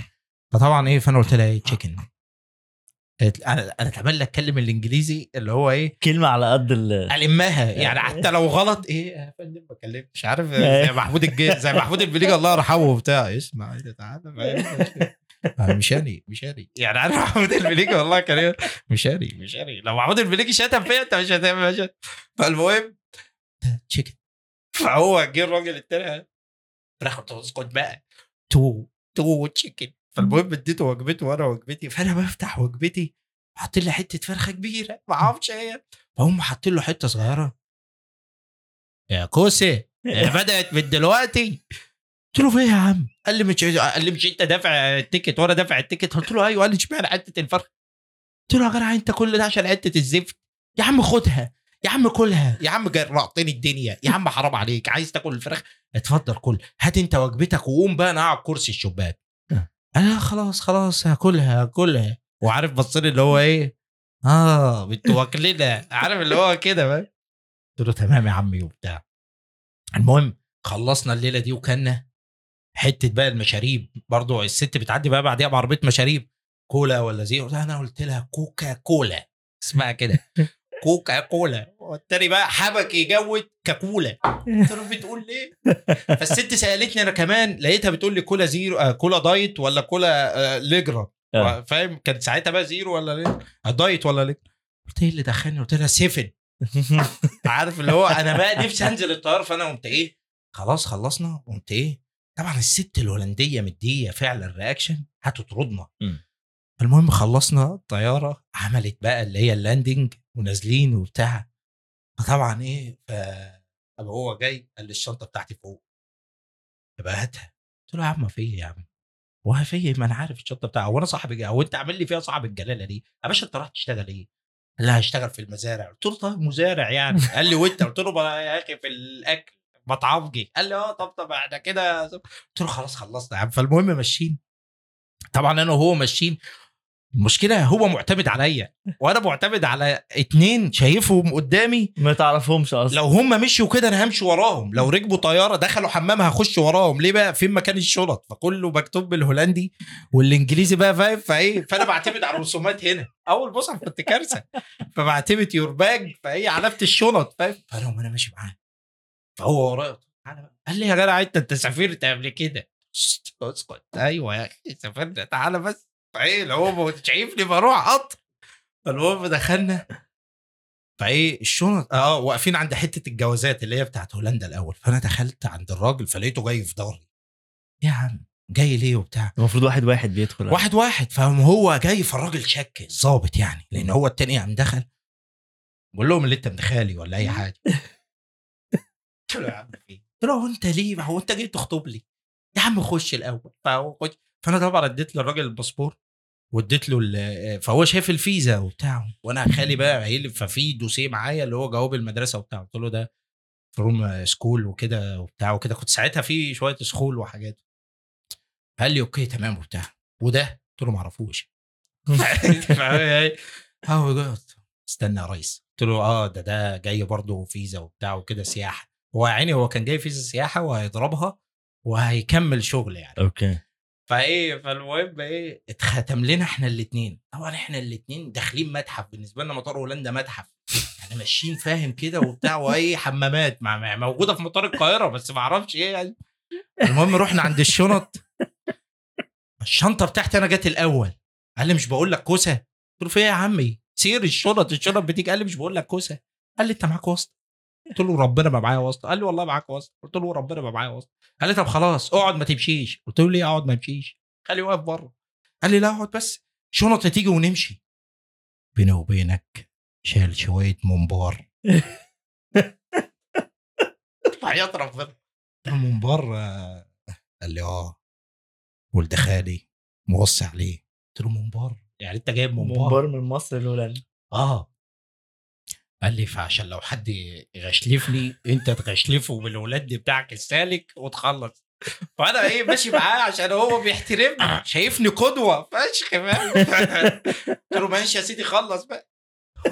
عارف مساعدة المصريين. المهم أول ما خرجنا طب سكة السلامة وقام رايح بقى. بس كان حتة لا لا. ما شفتوش تاني انت بقى ده؟ لا ما شفتوش تاني. بعت لي بقى على الفيسبوك لما عملت فيديوهات وبتاع. فقام بعت لي إزيك؟ فأنا مش عارف. قلت له إزيك؟ عامل إيه؟ كويس. قال لي أنت أكيد مش فاكرني. أنا اللي قابلتك أول مرة في الطيارة في هولندا وبتاع. فاكر؟ مش قلت لك معاك واسطة بقت مشهور. عملت له block. بس كان كان راجل زي العسل الصراحة.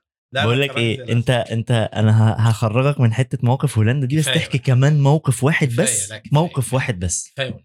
عشان خاطري. أنا حكيت له والله. موقف واحد كمان في هولندا وهسيبك. حكيت لك برضه موقف الفلوس لما نزلت دورت وبتاع ما هو ده مش IQ لا أنا عايز موقف آه، تاني آه، يا عم كوميدي. يا عم ماشي. آخر موقف. في مار... في في في سوبر ماركت هناك اسمه ألبرت هاين. ده حاجة كده يعني إيه زي كارفور ع- كارفور وبتاع في. في الحاجات دي يعني. فأنا كنت بخش آه، أخش قبل إيه كنت أنا بشتغل من 10 ل 6 مم. وكانت بتبدأ المدرسة مثلا من الساعة 9 للساعة يعني محاضرات وكده. فأنا كنت أروح البيت آخد دش ممكن أخطف لي ساعة أنزل أعدي على السوبر ماركت ده. أجيب عصير حلو قوي كان اسمه goeie morgen بس هو اسمه good morning آه. حاجة كده زي زبادو يعني فاهم؟ عصير. وأنا متخيل إن ده بيديني power وحتة إيه سندوتش كده يعني زي زي الك- الكرواسو كده بس اللي هي الطويلة دي. قعدت على الحوار ده بتاع ثلاث أسابيع. كل يوم ده الفطار بتاعي. م. وأنا متكيف قوي وبتاع وكل يوم آخدها وكل يوم آخدها وكل يوم. فأنا كان معايا في ال في ال في ال في, ال في, ال في ال section يعني كان معايا واحد مغربي اسمه محمد ده كان برضه صاحبي قوي كده. فأنا اليوم ده خدتهم فقلت إيه هاكلهم هناك. فأنا بفتحها وبتاع وكده. فأنا فاتحها قدامه فهي كانت معاه قال لي هو أنت اللي بتاكله ده؟ قلت له إيه يا عم كيكة سجق. قال لي أيوه سجق إيه؟ قلت له مش الطويلة دي سجق. قال لي لا ده varken قلت له varken إيه؟ قال لي خنزير. حياة ربنا. قلت له لا يا جدع انت قال لي أيوه أنت مش جايبها من ألبرت عيد؟ قلت له آه. قال لي أيوه ما هم ده محل أجنبي فأنت بتشتري منه؟ قلت له لا بس أنا قلت سجق مش ده السجق. قال لي ما السجق لحمة. وهنا بس ده أنت جايب الخنزير. قلت له أنا بقالي ثلاث أسابيع باكلها محمد. وحياة ربنا وكان طعمها حلو قوي والله العظيم. بقول له عايز بقول لك ثلاث اسابيع ثلاث والمصحف عايش عليها. فقلت له يعني كل- ده طب أتوب إزاي يا محمد؟ عارف بقى أنا حسيت إن أنا عامل كارثة والمصحف. يا نهار أسود طب والفلوس؟ طب والخنزير وبتاع؟ قال لي يا صاحبي ما تاكلش الحاجات دي ولا فهو الصراحة خدني بقى عند بدأ يديك بقى الجايد خدني بقى لا خدني عند الأفران بقى المغاربة وبتاع اللي هو في أفران مغاربة فبتاع وكده. أي. بس برضه كانت طعمها حلو. أي. اللي هو فده برضه كان من المواقف اللي قعدنا نضحك برضه. وفي برضه إيه وموقف في عيد الميلاد ده برضه. في عيد آه. الميلاد في أوروبا اللي عيد ميلاده النهارده آه. بيعزم أصحابه يعني على الأكل والشرب. ده طبعا ما بيحصلش هنا. حلو. يعني فاهم؟ ابتدى مؤخرا ممكن يحصل هنا بس هو في أوروبا بيعزموا بقى الناس.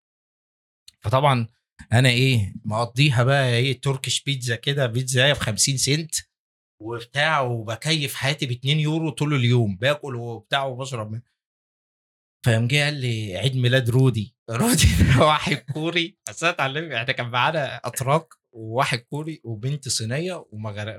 ومغربي يعني محمد. وأنا مصري. طبعا هم بيشوفوني بيعرفوا إن أنا مصري. قولوا كولومبي قولوا أي حاجة. آه بالنهايه خبتس. يا عم خلاص خلاص يا عم مختار الصحاح يا ابن النفيس. خلاص عرفنا اللي أنت فالمهم لقيته بيقول لي إيه؟ بيقول لي النهارده عيد ميلاد ميلاد رودي وبتاع. قلت له أيوه إيه المشكلة؟ قال لي لا ما إحنا رايحين له. هو عازمنا. فأنا قلت له لا عازمنا وإحنا بندفع وبتاع. وأنا يا عم عايش أجيب هدية لحد وبتاع وبيني وبينك. أبويا قال لي ممنوع الاختلاط. قال لي اختلاط إيه؟ أنا بهرب منه. بقى وبتاع قال لي يا أخي افهم محمد ده بقى كان حد متدين قوي يعني. طيب. قال لي يا أخي افهم ده هو هياخدنا مطعم اللي هو فوك حلال وبتاع وصيني وهو اللي هيعزمنا. هم هنا في الاعياد الم- قلت له هنا محمد في اعياد ميلاد هولندا. هو اللي بيأكلك يعني اللي عنده عيد ميلاد بيعزمنا أكل؟ تاريخ ميلادك إمتى. لا ولا هو اللي بيحسبها قلت له آه محمد تمام. قلت له بجد يا محمد؟ قلت له طب تشوف لنا مين أقرب عيد ميلاد غير رودي عارف اللي هو إيه؟ قال لي تعالى بس فالمهم رحنا. رودي حبيب قلبي فاهم؟ وانزلي يا جميل عسل. حساب الطيب على رودي فاهم؟ فإيه طبعا جابها لي بقى إيه؟ جاب لي noodles بال chicken والمشروب وبتاع. وكنت أول مرة أجرب ال sweet corn اللي هو ده إيه؟ جاب لي درة كده فاهم؟ بالزبده قلت له محمد ده مش أوانه مش ده بيطلع في الشتاء الباشا قال لي لا يا أخي ده ال sweet corn. المهم كلنا واتبسطنا وبتاع وبتاع. قلت له اشرب كمان قال لي اشرب وقمت طالب كولا وبتاع منجها وتمام يا رودي وبتاع وكده. جه بعد ثلاث أسابيع عيد ميلاد محمد. قلت له محمد أخويا مش عيد ميلادك وبتاع لازم نرد العزومة ال- الواد رودي وبتاع. خدنا محل السمك المغربي. أنا بقيت إيه؟ فطبعا ما بقتش مركز في الدراسة قد في قاعات الميلاد طبعا.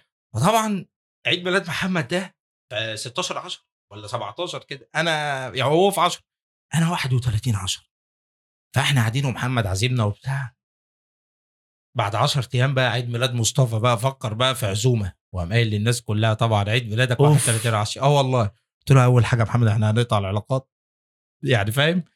الدولية المغربية فاهم؟ قلت له 31 10 طبعا أنا قلت لهم طبعا تمام اللي أنتوا عايزينه وبتاع ومن عينيا. بس. إيه؟ ظهرت بعد أسبوع بعد عيد ميلاد أسبوع تعبان. مش هقدر فاهم؟ ما كنتش هقدر أدفع مثلا بتاع حوالي 60 70 يورو فاهم؟ يا. نهار أبيض. بس بعد كده بقى إيه؟ فطبعا في اليوم ده مين اللي هرشني؟ محمد كنت واخده على جنب قلت له خش هاكلك أنت على جنب قمت باكله على جنب. قال لي ورودي قلت له زفتوتي. خلاص يا عم سيدي لا لا لا من الحاجات يعني. لا لا ده في مواقف أصلا في مواقف كتير قوي فحصلت لي في هولندا بجد من مواقف كتير. أصلا بقول لك قعدت 11 سنة. آه. ف فحاجات كتير قوي يعني. خلي بالك إحنا الناس هتبقى دي تقريبا أكتر فقرة هتحب ت... يعني تت... أنت أنت بتحكي حاجات ما اتحكتش قبل كده. خالص لا. و... أنا و... انت تعرف أنت أنا أنت عرفت تفتح فيها حاجات كتير الصراحة وأنت حد من الناس والمصحف يا أحمد الشهير. أنت لما كلمتني أنا فرحت لما أنت كلمتني والله العظيم يسعدك. ده بجد. الشرف ليا والله لانك أنت. يعني ربنا بيديك قبول وربنا بيديك كده هدوء نفسي عارف الناس اللي ترتاح لها وتفتح لها قلبك؟ ربنا يكرمك بجد والله يعني أنا النهارده فتحت لك قلبي في كل حاجة. فعشان كده مواقف الغربة دي فعلا فيها حاجات كتير قوي. يعني أنا عمري ما حكيت الكلام ده خالص. ف هتعزمني على الغدا النهارده؟ عيد ميلادك النهارده فاهم؟ فعشان كده فعشان كده بإذن الله فأنت حتى لما أنا اتكلمت معاك في الحوار ده قلت لي ما تعمله طيب برنامج. يعني أنا أيوة ما أنا. بقول لك أنا من النوع فقلت طب ما أفكر أعمل كده وأنا قاعد أنا وسعفان وأخلي سعفان فاهم وأجيب له سماعة ونقعد نحكي بقى أحكي مواقف اللي حصلت في الغربة. لأن أنا بقول لك الناس دي بجد والمصحف لا لا. اللي بيسافر ده اللي بيسافر بي- بيتعب بيتعب. مهما كان والله العظيم قال لك إيه مهما كان قال لك أنا فرحان أنا الحمد لله دلوقتي ربنا كرمني أنا ما أقدرش أقول لك لا وبقيت بروح هولندا مثلا أجازة مم. تمام أو بسافر مثلا باريس أسافر أنا في حاجات كتير ما كنتش أقدر أعملها مم. عفوا. اللي بيسافر ده بيتعب يعني أنت عارف أنا أقول لك على حاجة في ناس كتير هناك عاشت عاشت عاشت حاجات بجد حاجات مؤثرة حاجات حاجات حاجات صعبة وحاجات حلوة أنا أنا أنا ذات نفسي شفت اللي كرشني من الشغل وشفت هو هو اللي كرشني من الشغل ده جاي بيكلمني بي بي بي بيسألني اللي بات عندي ليلتين في الأوضة وخدته عندي عادي وهو اللي مشاني من الشغل. فشفنا مواقف كتير. فعشان كده بقول لك في في في ناس كتير فعلا تعبت تعبت. ما تستقلش من تعب حد. ما. تشوفش الصورة الأخيرة. اللي هو بيقبض في الآخر بالدولار هو ولا بيقبض بالدولار. ولا ما هو اللي بيقبض بالدولار ده تمام ما حلو بس بيدفع كام من عمره. أنا على فكرة أنا ليه بقول لك أبويا ومثلا وأول ما اتكلمت دمعت. إن أنا أبويا كان تاجر بويات. أبويا وتاجر بويات. أبويا كان تاجر بويات فكان بيسافر فكان بيسافر الصعيد بيروح يشتغل هناك. يعني ياخد بضاعة من هنا ويروح يبيعها هناك وبعد كده ينزل يروح المحافظات وبتاع وكده. أبويا بيحب إيه؟ فكان بيسافر. فطبعا أنا كنت صغير. فلما كبرت أنا سافرت 19 سنة. إن شاء الله. فرجعت 30 سنة. فانا في مثلا بتاع 11 سنة وقبلها أبويا كان بيسافر ويروح يسافر ويروح أشوفه مثلا في الأسبوع يوم. بتاع تلت أنا ما عشتش مع أبويا كتير. فده ليه تمن هل. ده ملوش تمن ده ثمنه تمن. غالي جدا جدا. غالي جدا اللي, اللي مسافر ده وعايش بره ولا عايش في الغربة وسايب مراته وابنه هنا هل ده ملوش تمن ليه تمن معنى اللي هو مش عارف حاجة عن أو مثلا ابنه تعبان أو ابنه كذا أو ابنه وهو مش عايز يوصل لهم إحساس اللي هو تعبان أو النهارده في الشغل كذا أو النهارده اشتغل كذا. آه في ناس بتشتغل في شركات واللي بتاع واللي بيشتغل في شركة نظافة واللي بيشتغل في حاجات تانية. في الواحد شاف حاجات كتير مم. وعشتها كمان. يعني أنا ما بقولكش حاجات أنا لا أنا الحمد لله أنا بقول لك أنا الحمد لله واخدها يعني فاهم من تحت تحت المكتب. يعني بجد يعني وبفخر بده. لأن أنا كنت طول عمري عندي يقين حتى كنت بقولها للناس والله العظيم ان مطعم اللي جنبنا صاحبه واحد تركي اسمه حسين. ده كان عامل زي حاجة كده سناك بار وبتاع بيبيع حاجات اللي هي سندوتشات زي السجق والكبدة عندنا كده عز المنوف عز المنوف. فهو بيبيع حاجات اللي هي بطاطس وحاجات. حسين ده مثلا لما كنا بنتكلم قبل الفيديوهات بقى خالص. كنت أنا بقول له أنا في يوم من الأيام هبقى مشهور وأنت هتدور على رقمي والله العظيم والله العظيم. هبقى اكلمه لك طيب بعد عشان هكلمه لك بعد ما نخلص وهسمعك منه قلت له في يوم من الأيام هتدور على وحسين ده كان راجل يعني فاهم يعني راجل ما شاء الله ربنا مديله وبتاع وكده ملياردير فهو كان بيستغرب قوي. فهو لما شافني في هولندا. من سنتين كده كنت ساعتها بعمل برنامج في ال MBC وبتاع وكده. قال لي أنا فاكر لما أنت قلت لي كده يا مصطفى. قال لي أنا فاكر كده. قلت له. بس أنا في الوقت ده أنا ما كنتش محضرها. بس نرجع بقى للكلمة الأولانية. الرضا واليقين بالله. عندك رضا عندك يقين بالله اللي هو أنا مصدق في ربنا. أنا مصدق في ربنا اللي هو ممكن بعد سنة ألاقي نفسي في حتة تانية. أنا مصدق في ربنا اللي أنا ممكن دلوقتي تجي لي شغلانة ما كنتش على بالي خالص. أنا عندي يقين بده. هو ده اللي كنت بقول لك عليه الرضا. فهي حتة الرضا واليقين دول عندك 100% 100% ربنا هيكرمك. بجد والله العظيم. ولا بتأذي ولا بتعمل حاجة. 100% ربنا هيكرمك. خلاص أصل هي خلصانة من زمان. صح صح. يعني فاهم؟ هي خلصانة من زمان. أنا كان أبويا تملي يقولها لي كده برضه. كان يقول لي هو أنت بتزعل حد. هو كان تملي يعني أكيد ربنا هيكرمك. وكنت ساعات أنا أكلمه. يعني كنت ساعات مثلا ببقى تعبان قوي بقى. لو أنا تعبان يابا وبتاع وكده ممكن أعيط معاه. اهدى تعال. يعني فاهم؟ كان كده أقرب كلمة. ربنا ربنا بجد والله. وبعدين أنا من نوع حتى لما تعيش بره يعني لما تسافر بره كمان في الشتاء إحنا كنا بنعيش في الشتاء بقى اللي هو. واحد فأنا كنت أشتغل من 10 ل 6 الصبح فكنت برجع الدنيا تلج مثلا تلج بقى الشوارع تلج وبتاع 6 الصبح بقى, بقى أنا ماشي بكلم ربنا. ما فيش حد في الشارع فأنا بكلم ربنا هتيجي بأمر الله إن شاء الله بتاع بإذن الله أنا عارف اللي أنت شايفني اللي أنت معايا يعني كده. يعني فاهم الحاجات دي لدرجة يعني مواقف أنا كنت بحب وأنا ماشي في الشارع أو أنا من النوع اللي بحب وأنا ماشي في الشارع مثلا ممكن أكلم نفسي. آه. ما تقلقش بس هي هتيجي. بس أنت عارف لو كنا عملنا كده بس هي راحت خلاص. إيه. فخالي شافني في مرة وأنا بكلم نفسي. لا الحقيقة ام حمادة ابنك اتجنن رجعيه ده بيكلم نفسه في الشارع. فلقيت أمي بتقول لي مالك؟ ما ترجع. قلت لها في إيه يا؟ فاهم؟ قالت لي خالك بيقول قلت لها يا ستي بذكر الله. عادي هو شافني وبتاع عادي يعني فاهمة؟ تلاقيني شافني وأنا فاهم هقول لامي اللي اتجننت فأنا طب بقول لك إيه بمناسبة الجنان والله ما هطلب منك تاني بعد بعد الموقف ده تحكي لا. ما هو الناس عارفاه. إيه ده؟ لا، بتاع يعني- بتاع كريزي آه، آه عم طارق كريزي. آه. لا يا عم ما ما شافوه. خلي يعني يعني يعني بس بس نرجع كلمتين جد وبعد كده خلاص هقوله هقوله لك. ماشي. فعشان كده بقول لك هو حتة فعلا اليقين بالله. واللي عندك إيمان بربنا كبير هي دي هي دي مليون في المية ربنا هيكرمك. لأن أنا بقول لك أنا ما بحسبهاش. ودي ممكن تبقى غلطة في- يعني ممكن تبقى غلط فيا. بس أنا راميها على ربنا. يعني أنا آه ممكن وسبحان الله بتبان اللي أنا حاسبها قوي ولا أنا ذكي جدا. بس آه أنا الحمد لله بنسبب الأسباب وبنسعى في سعي. بس أنا برضو ما بحسبهاش. والله أقول لك على حاجة يا مصطفى لسه النهارده قبل الحلقة حد coaching client بتحجز أنت عارف أنا بعمل business. و career coaching للرحلة المهنية. فحصل مشكلة كبيرة فكلمتني فجأة عشان قبل ال session يعني. أيوه. فلسه كنت بقول لها النهارده سبحان الله الأزمة دي آه هنقعد coaching ونقعد نحط خطة ورحلة مهنية ونقعد مرة والتانية والتالتة لغاية ما الخطة تخلص وكده الموضوع بيبقى كبير يعني. بس في الآخر أنا بقى على إيدي في التسع سنين اللي اشتغلت فيهم coach دول كم حد حط رحلة مهنية محكمة. وربنا أكرمه بأكتر من اللي كان في رحلة مهنية ده مليون مرة. ولا عمر بني آدمين كانوا هيعرفوا يخلصوا ال- القصة دي فتطلع دي النتيجة. يعني ده مش ده ده مش الطبيعي. ما هو ده.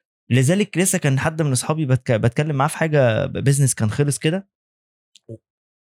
وفشل. أنا مم. أنا فشلت فيه. okay.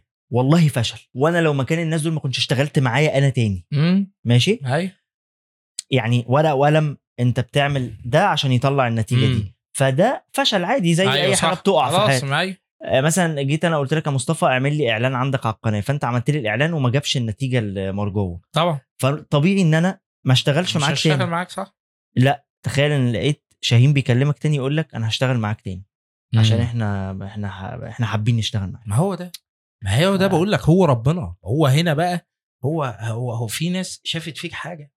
وساعات على فكرة هو ربنا وبعدين ربنا لأنك أنت عندك حتة الرضا وعندك يقين بالله وبعدين ربنا ساعات ما بيكرمناش عشاننا إحنا مش عشان شاهين صح. مش عشان مصطفى. صح. لا أنا بكرم شاهين عشان هو عشان خاله كذا أو دعوة أو أمه دعوة عشان عياله طبعا عشان حاجة. عياله وعشان آه، آه، دعوة الأم وعشان الأب عشان هو بيكرمنا عشان كده. يعني فاهم والله صح. العظيم يعني في صح. ناس كتير في ناس مثلا يعني أنا ساعات بلاقي في ناس تقول لك هو اشمعنى ده بقى معاه كذا ولا كذا ولا كذا ولا اشمعنى آه. رب عشان كده بقول لك هو ساعات بيشوف الصورة الأخيرة يعني في ناس كتير بتقول عارفة اللي هي مثلا إيه لا أصل أنت إيه ما تعبتش أو كذا ولما تيجي على فكرة يعني أنا دي أكتر حلقات اللي أنا ارتحت فيها مم. لأن اتكلمت على هولندا واتكلمت على الغربة ولسه في مقاسي وفي نجاحات وفي حاجات بس اتكلمت عليها بجد لإن أنا كان نفسي أعمل كده. لإن هم فك... يعني لما تيجي تكلم حد يقول لك بس اسمها هولندا يا عم طب هي دي غربة. لا غربة. مم. لا غربة. لا أنت أنت لما بتتعب هناك ما حدش بيقشر لك برتقانة مثلا ده أبسط مثال. لما بتتعب هناك ما حدش بيناول لك الدواء. أنت لما بتتعب هناك مش هتلقى تاكل حرفيا.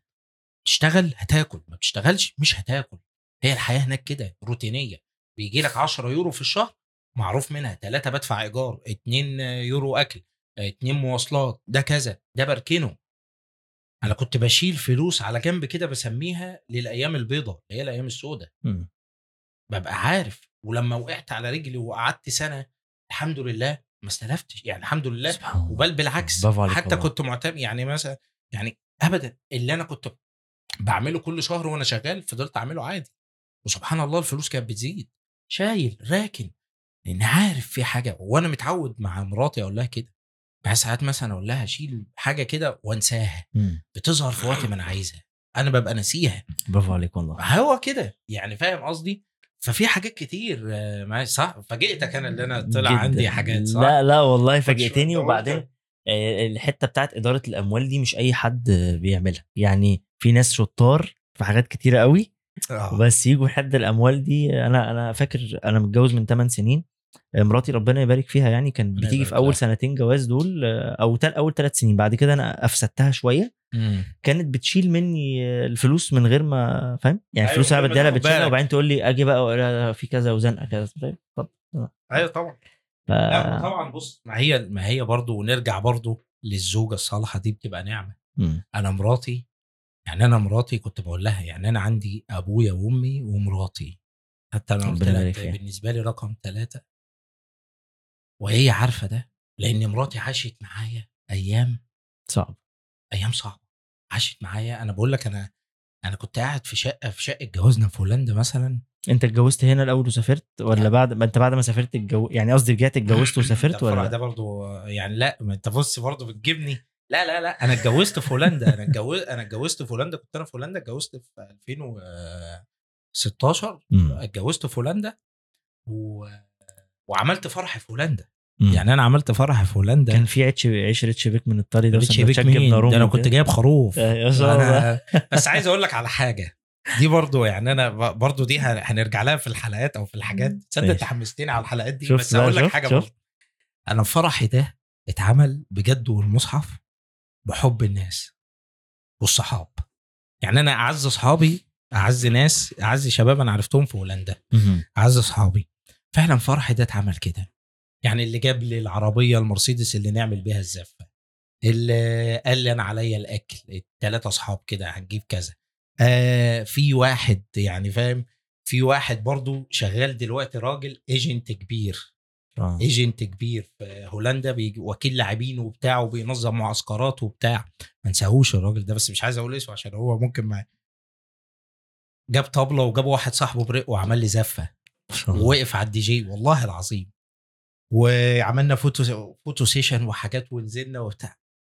وعايز أقول لك على حاجة من الحاجات برضو اللي هي برضو ما تعديش عليا أنا ما حدش من أهلي جه الفرح لأن أبويا وأمي ما كنتش كان حصل مشكلة في في التأشيرة واتأخرت.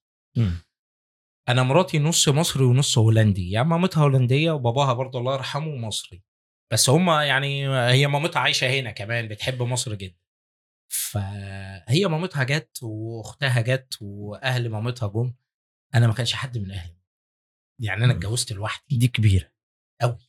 يعني دي برضو ما حدش يعرفها. مم. يعني دي من ال- يعني دي دي ثمنها كبير قوي طبعا. يعني أنا كنت بكلم أنا عايز أقول لك كان في فيديو لايف. خالي حتى كان في الوقت ده مش عارف سافر فين كان لازم يسافر كان في مصر. نزل كان لازم ينزل وعنده مشكلة فلقيت نفسي فعلا لوحدي. بس أصحابي في الوقت ده الصراحة وقفوا معايا. عدوها بس أنا مش عارف أنساها. يعني حتة حتى أبوي طبعا لما أنا عرفت بعدين بقى اليوم ده برضو كان عندهم مناحة في مصر. مم. كانوا قاعدين زعلانين.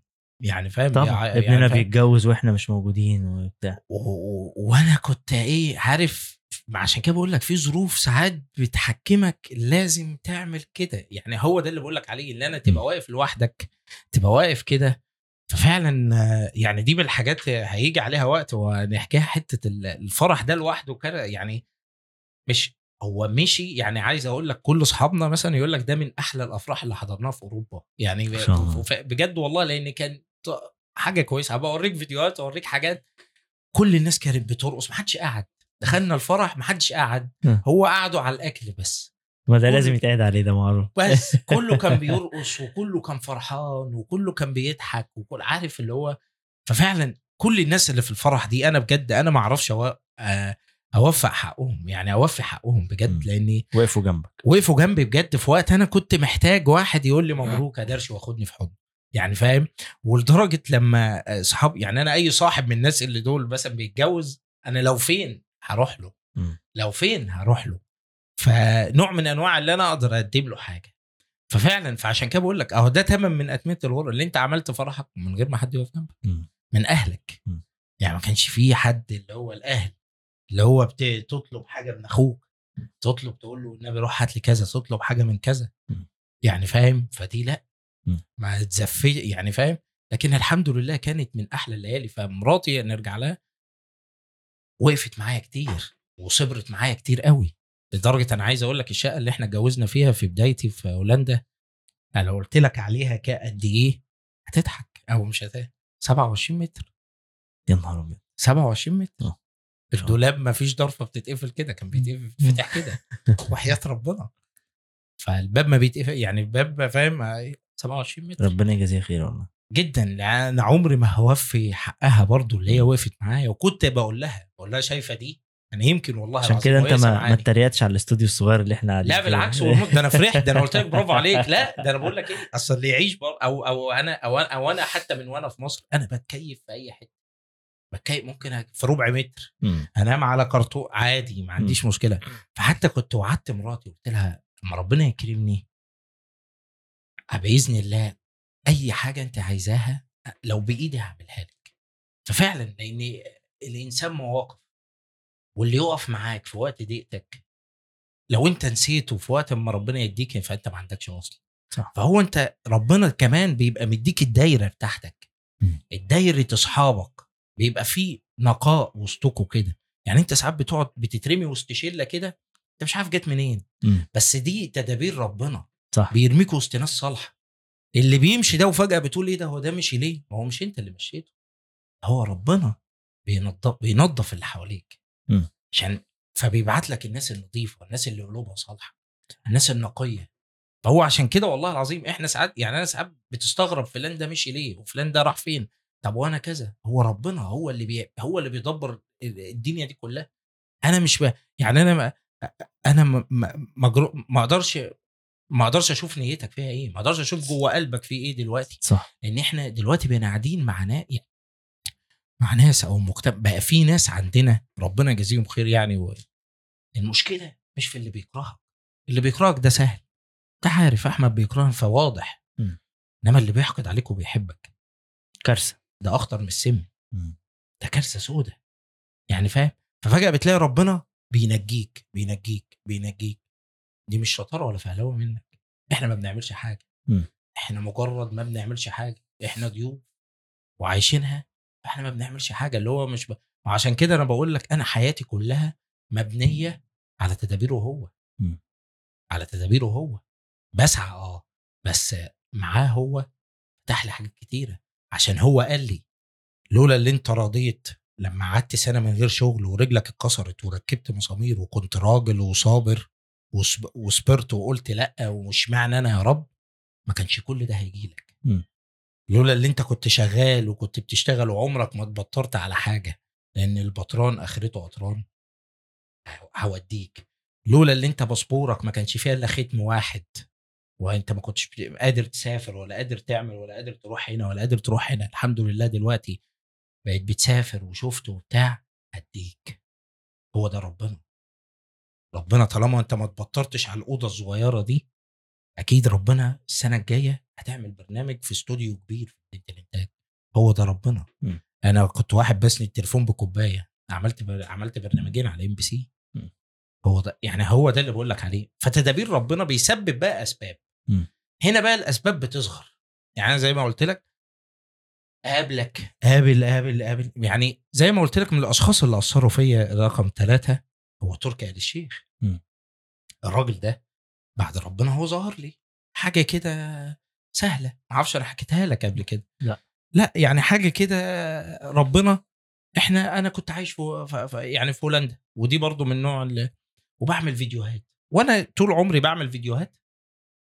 آه للتصوير يعني عايز أمثل. مم. الهدف بتاعي اللي أنا أمثل ما بعملش إعلانات. يعني ما. ما يعني كنت بعمل إعلانات واحد أو اتنين اللي هم الحاجات بس بس ما بعملش قوي إعلانات قوي يعني يعني بتاع. فكنت إيه عايز أمثل. أي حد يكلمني مم. تعالى مثل يعني فاهم؟ ده شغفي بقى من زمان وهدفي اللي أنا كنت عايز أمثل. ف يوم تلات دي حاجة برضو دي آه، يوم التلات كنت أنا في الجيم. مخلص الجيم فبكلم مراتي ألو أه بقول لك إيه أنت فين؟ فين؟ أنا في الجيم طب قالت لي طيب ماشي أنا نازلة من الترام فنازلين بنتمشى مع بعض رايحين نجيب أكل ونطلع نعمل فقلت لها بصي أنا زهقت من موضوع الفيديوهات. قلت لها أنا مش هعمل فيديوهات تاني. لوحدك كده. آه قلت لها مش هعمل فيديوهات تاني وأركز في الشغل. وهشتغل شغلانة تانية جنب الشغلانة دي وإيه ونسيبنا بقى من من فيديوهات هي شكلها ولا فيها تمثيل ولا فيها بتاع فقالت لي ليه وبتاع؟ قلت لها أنا زهقت. تمام؟ حتى جيت قلت لها بعديها قلت لها آه وعلى آخر السنة أنا كلمتها يوم يوم الثلاث ده. كان كان 10 9 تقريبا 10 9 2019 يعني فاهمني؟ قلت لها على آخر السنة هسافر أعمل عمرة. ولو ربنا اداني هسافر أعمل عمرة. أنا مكلمها يوم ثلاث تمام؟ ثلاث بنات ندهوني المهم فكان إيه يوم الثلاث وجاية بتقول لي طب الفيديوهات طب هي عارفة الفيديوهات بتبسطني. يعني بعمل حاجة قلت لها والله أنا كنت إيه أنا كان فقلت لها لا خلاص وبتاع ومش هعمل. فأنا قلت لها بإذن الله آخر السنة ناوي أطلع أعمل عمرة لأن عايز أعمل عمرة. عايز أرتاح كده شوية. يوم الخميس يكلمني مدير مكتب معالي المستشار تركي آل الشيخ. يقول لي أهلا بك يا مصطفى عايزينك آه، معالي المستشار تركي الشيخ عايزك في جدة. ولو عايز تعمل عمرة هنخليك نعمل عمرة أنا اوفر لك اسم. قسما بالله ده حصل. حياه رب العباد حصل. طبعا ذهلت آه. إيه؟ فقول لنا وبتاع والميعاد هيبقى الأسبوع الجاي. بحكي لمراتي عارف اللي هو إيه؟ طب إيه؟ طبعا إحنا كده يعني فاهم؟ أنا بلمت شوية كده. قلت لا لا. يعني فاهم لا لا إلا الله كده إيه ده؟ فالمهم وافقت سافرت. سافرت ورحت جدة. ورحنا قابلنا معالي المستشار تركي آل الشيخ. الراجل ده على فكرة يعني أنا هحكي لك في الكلام. فإيه آه طبعا لما رحت لقيت كمية ناس YouTubers بقى على influencers عرب وأجانب وبتاع كان في أكتر من مثلا 500 واحد كان. في بقى أحمد رأفت وإبراهيم السمان ونصوحي وممدوح نصر الله ومروان سري وعفيفي كل الناس ورغندور أحمد الدحيح وكان. في ناس من الوطن العربي وناس من ال- من ال- من, ال- من الأجانب كمان. طبعا أنا رايح عايز أعمل عمرة أنا داخل فاهم دخلت بقى فسلمت عليهم وبتاع وعارفهم وبتاع المهم قاعدين كلنا قاعدين كلنا وبتاع فبنتكلم وقال لك في برنامج هو يعني كان في برنامج هيجمع كل الناس دول في. تشانل لوحدها فاهمني؟ وكل واحد هي- هيقدم محتوى يعني بتاعه. طبعا لقيت ناس كتير يعني فاهم؟ فأنا فرحت بالفكرة قلت مش مهم هنعمل ما زيها زي إيه التمثيل وحتى قلت لهم طب أنا هعمل سكتشات وهعمل حاجات قالوا لي تمام اعمل اللي أنت عايزه وبتاع. فإحنا هن هنبوش معاك وهنديك اللي أنت تعمل كده وتطلع اللي في نفسك. طبعا الكلام ده حصل فكنا إحنا متجمعين كده في مسرح كبير أو. في حاجة كبيرة خلي بالك دي حاجات والله طالعة عليك فالمهم الله يسعدك مسرح كده. يا حمود الله يخليك فالمهم فمجمعين المسرح فكل واحد كان بيقول السنة اللي بدأ بيها فيديوهات وحاجات وبتاع آه. فجه عندنا فأبو ناصر فهو بيحب يتقال له أبو ناصر فقام جه قال لي وأنت بقى عايش في مصر ولا في هولندا ولا إيه حكايتك وبتاع وفين سعفان ما جبتوش ليه؟ طبعا لو هو بيشوف فيديوهاتي. أنا ما أعرفش. كان كله إيه مشدود شوية. طبعا هو راجل يعني وزير أيوة. برضه وهيبة ما شاء الله يعني. فأنا قلت له إيه سعفان هيجي يعمل إيه في الحر ده؟ يعني عارف فجأة إيه ضحك. كله ضحك يعني فاهم؟ أنا الصراحة جاي أعمل عمرة وبتاع. قال لي طب خلاص هتعمل عمرة. المهم قعدنا وخلصنا وبتاع. آه والله. يعني عارف اللي هي جاية كده. أيوه. قال لي أنت بتعمل إيه وبتاع وكده؟ قال لي أنت طب ما تجيلي إيه أنت بتعمل إيه في هولندا؟ قلت له أنا بشتغل. كنت ساعتها بقى إيه جبت مطعم أنا وواحد صاحبي عراقي كده وبتاع. فقال لي طب ما تجيلي هولندا وبتاع. آه، تعالى لي أسبانيا. كان هو ساعتها لسه واخد نادي ألميريا. حلو. آه تمام. فقلت له إيه؟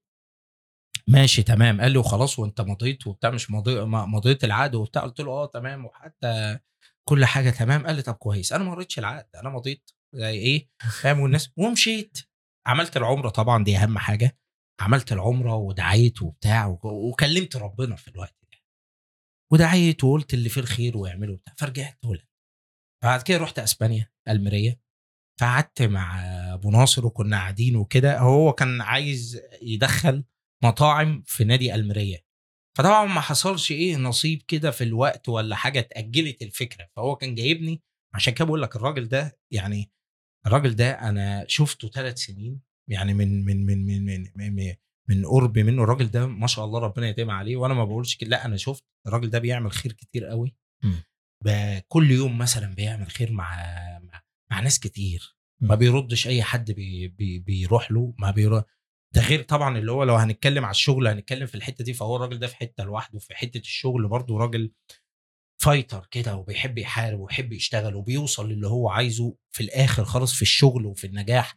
ما بيحبش يقعد. يعني أنا شفته أصلا يعني أنا شفت كان بيعمل إيه. فالمهم فأنا رحت أسبانيا. فطبعا لقيت إيه المراية اتأجلت فطبعا تعالي العوض مجمع المطاعم. أنا بقى كنت عايز أعمل له بقى إيه شغل وأنا قايل له بس هوب هنعمل سعفان لاونج. يعني فاهم؟ ويبقى بتاع والشغل وبتاع وهوب الدنيا هتفتح وبتاع. فالمهم فقام قال لي طب خلاص تمام. و... تمام اقعد أنت وراك حاجة. فقلت له لأ. فقعدت ثلاث أيام. فعملت معاه فيديو. كان في أول فيديو أعمله مع أبو ناصر فعملت معاه فيديو كده فبنتكلم كان كان في مدرب المريه اسمه بيدرو مم. كان ده مدرب يعني في في المريه ففي وسط الفيديو يعني طالع فيديو ارتجالي ما فيهوش أي حاجة زي ما إحنا جايين كده بنتكلم. فبقول له بقول لك يا أبو ناصر ما تمسكنا المريه قال لي المريه إيه لا تمسكها؟ المريه لازم يبقى مدرب أجنبي. قلت له ما أنا أجنبي. قال لي انت منين؟ قلت له مدينه نصر قال لي تبقى أجنبي. فاهم؟ فالفيديو انتشر وبعد كده عملنا فيديوهين تانيين. ف ففجأة لقيت الدنيا إيه؟ حلوة. آه لقيت يعني إيه؟ آه الراجل فقاعدين كده بنتكلم زي زي أنا وأنت كده. فبيقول لي هو أنت بتعمل يعني فيديوهات ليه؟ قاعدين معادي يعني. بقول له والله أنا بعمل فيديوهات اللي أنا عايز أمثل. مم. يعني ده هدفي اللي أنا في الأول عايز أمثل. ما مش مش هدفي حتة حتى كمان اللي أتعمق في وسط المذيع وحاجاته وبرامج وبتاع وكده. زي ما أنت قلت لي مثلا قد إيه قلت لك أقول مصطفى البنا وخلاص. أنا م. بحب فاهم التمثيل؟ أو بحب فإيه؟ قال لي تمام. بعد يومين لقيت جايب أسبانيا. ما دي المواقف ما أنا بقول لك المواقف. أهم مخرج في مصر وأهم مؤلف في مصر. مم. حصلت. يعني دي فعلا قدام- أنا اتخضيت لما شفتهم يعني فاهم؟ قال لهم إيه؟ عايزين نعمل له فيلم. فأنا طبعا إيه قاعد كده شفت الواد بتاع الطيارة الرياكشن بتاعه فأنا قلت له إيه؟ أنا؟ عارف اللي هو إيه؟ أنا مخضوض. وبعدين ما تبدأش ببطولة يعني. أيوه. وبعدين أنا شايف ناس فاهم مهمة جدا. أنا مش عايز أقول أسامي. فشايف ناس مهمة جدا في المجال وفي الشغلانة يعني إيه ده؟ وطبعا كل ش... كل حد بقى في الشغلانة دي نسيت احكي لك اللي يقول لك إيه أنا عارفك وبشوف فيديوهات. طب كلمنيش ليه طيب؟ ما بتكلم معكش رصيد. ما كلمني يا عم وهاتني في دور مشهد ولا هاتني أقول كلمة ولا كلمتين ما عنديش مشكلة. يعني ليه أول ما بتشوف يعني فاهم؟ أكتر حاجة بتضايقني اللي هو إيه؟ آه أنا يا عم ده أنا بحب فيديوهاتك وبشوف. طب كلمني. يعني يعني فاهم؟ كلم هو أنا بتاع يعني فاهم؟ بتاع قوطه تعالى قول لي في مشهد. فالمهم فطبعا هو بيقول كده فطبعا أنا اتخضيت وإيه ده؟ يعني فاهم؟ وشوف يعني شوف يعني شوف حتة التقدير شوف الراجل شافك رايح لفين حب يكافئك. يعني هو حب يكافئك هو مش عايز منك حاجة هو في الأول مم. والآخر يعني هياخد منك إيه؟ مم. يعني فاهمني؟ ده فاهم؟ ده بيجيب نجوم العالم والحكاية يعني فاهم؟ هو بيكافئك بس. اللي هو شافك وبتاع بيساعدك. بيساعدك. واتكلمت معاه لأن هو صدق فيك حاجة. يعني فاهمني؟ فطبعا قعدنا واتكلمنا فأنا قلت له لا طب, أنا عندي حاجة. فطبعا هم بد بدأوا الصراحة يكتبوا ويشتغلوا وبتاع فأنا قلت له لا. حتى أنا رحت له قلت له ابو أبو ناصر ما ينفعش وبتاع اعمل فيلم بطولة أضيع وبتاع فلوسك وحكاية ومحدش هيشوفني. أنا عايز أبدأ من السلم من أوله. كنت ساعتها برضو مشهور في ال social media. قلت له عايز أبدأ دور رابع دور خامس ثالث ما عنديش مشكلة. بس أبدأ واحدة واحدة وكده وبتاع فهو قال لي تمام وبتاع وخلاص واحترم واحترم الرأي ده. بس أنا شايل له الموقف ده عشان. كده بقول لك مواقف.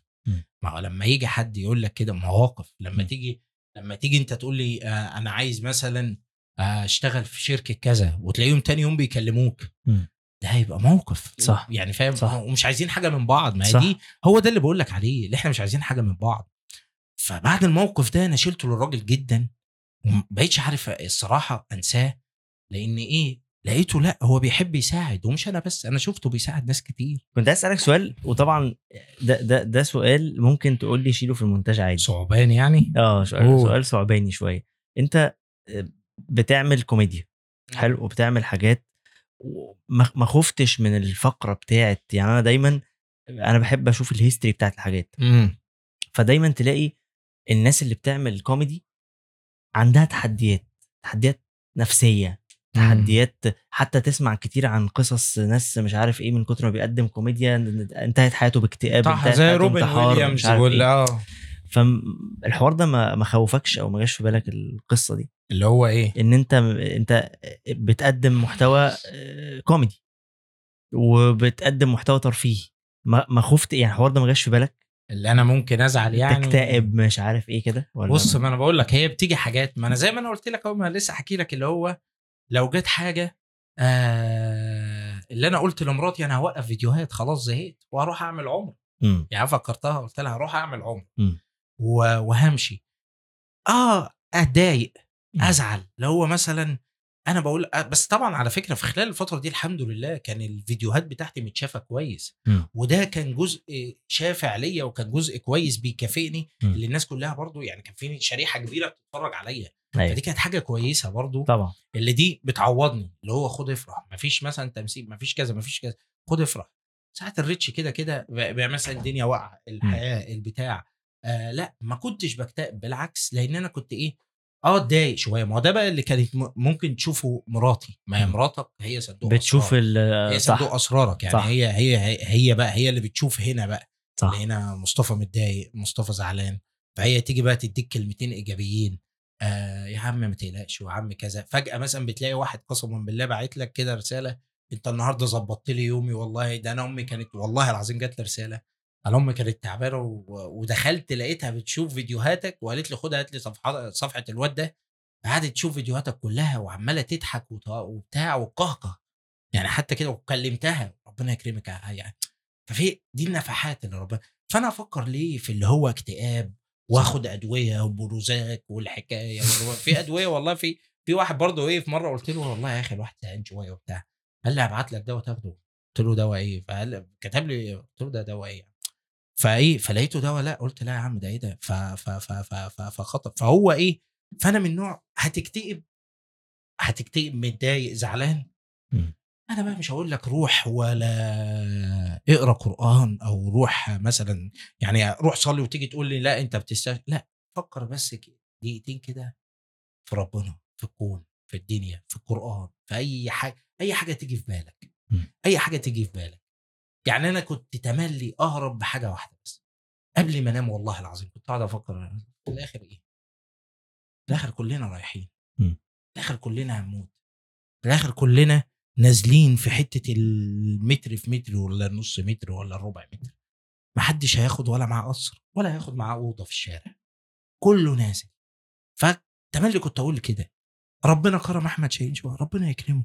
ما هو أكيد أكيد في حاجة بيعملها أحسن مني من ورا أكيد في حاجة. هكتايب هكتايب ليه؟ طب عشان إيه؟ في الآخر زعلت. آه كلنا بنتضايق وبنزعل. تمام؟ ما إحنا مش ملايكة. بس بعد كده أما بتيجي تفكر فيها انت فاهم يعني فاهم؟ ماشي زعلت اتضايقت لكن في نفس الوقت ربنا هيكرمك. عشان كده لما انت بتلاقي وعلى فكرة في ناس كتير بتكتئب وده برضو نوع من أنواع بنقول كده اوعى تسته يعني اوعى تستهون بحد. قال لك أنا متضايق شوية. ما تقولوش معلش وتسيبه وتمشي. ده هو يا أخي ربنا بعتك ليه دلوقتي سبب اللي انت تكلمه؟ اللي انت تقول له طب انت فين؟ لو انت فاضي قول له تعالى ننزل نتقابل شوية. خد بخاطره. يعني برضو صح. افهم لأن إحنا انت غيري وأنا غيرك. فكل واحد ليه مقاييس معينة. ممكن واحد مثلا بي- عنده حتة الاكتئاب دي عالية شوية بتأثر فيه. اللي هو الناس أنا بطلت تشوفني زي الأول. إيه ده؟ أنا بقيت بجيب مثلا 100 لايك. إيه ده؟ أنا بقيت بجيب كذا. أنا بضيع. أنا لازم آخد سم وأموت. لا بالعكس. ففي واحد ياخدها عادي خالص اللي هو الدنيا ماشية عادي ولا reach نايم وحتى لو بيكذب نفسه مثلا. أو في كوميديا مثلا كوميديا يوم آه ويوم لأ. آه اللي هو النهارده مثلا فيلم فيلم ما نجحش مثلا.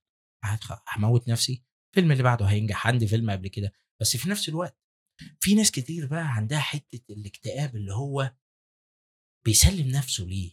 اللي هو أنا بسلم نفسي لليأس. أنا. بسلم نفسي للحزن. ده غلط. بص ازعل. بس ما تسلمش نفسك لحاجة. ما خلي نفسك بلاش بلاش تجري ورا أي حاجة مسلم لها نفسك. خليك عايش طول حياتك بدون شهوة. ما عنديش ما عنديش حاجة تمسك إيدي تتنين عندي آه أبويا وأمي مراتي أولادي ماشي دول. بس ما فيش حاجة تمسك إيدي تاني في الدنيا تتنيها خلاص. أنا تمام أنا راضي. مش أنا راضي. معايا النهارده يا عم غدا بيتي معايا النهارده الأكل بتاع بيتي تمام الحمد لله. معايا بكرة تمام. خلاص. فأنا مش محتاج حاجة. فهو ده اللي أنا بقول في ناس بقى عين اللي هي مشاكل الشغل بقى اللي ربنا يكرمه بمدير وربنا يكرمها مد- مديرة مثلا أو مدير بيح- بيحلل العقد بتاعته اللي هو يقعد يحرق دمه ويشتغل وأنت كذا وأنت فاشل وأنت وأنت وأنت. الحاجات دي كلها والله العظيم ما تبصلهاش.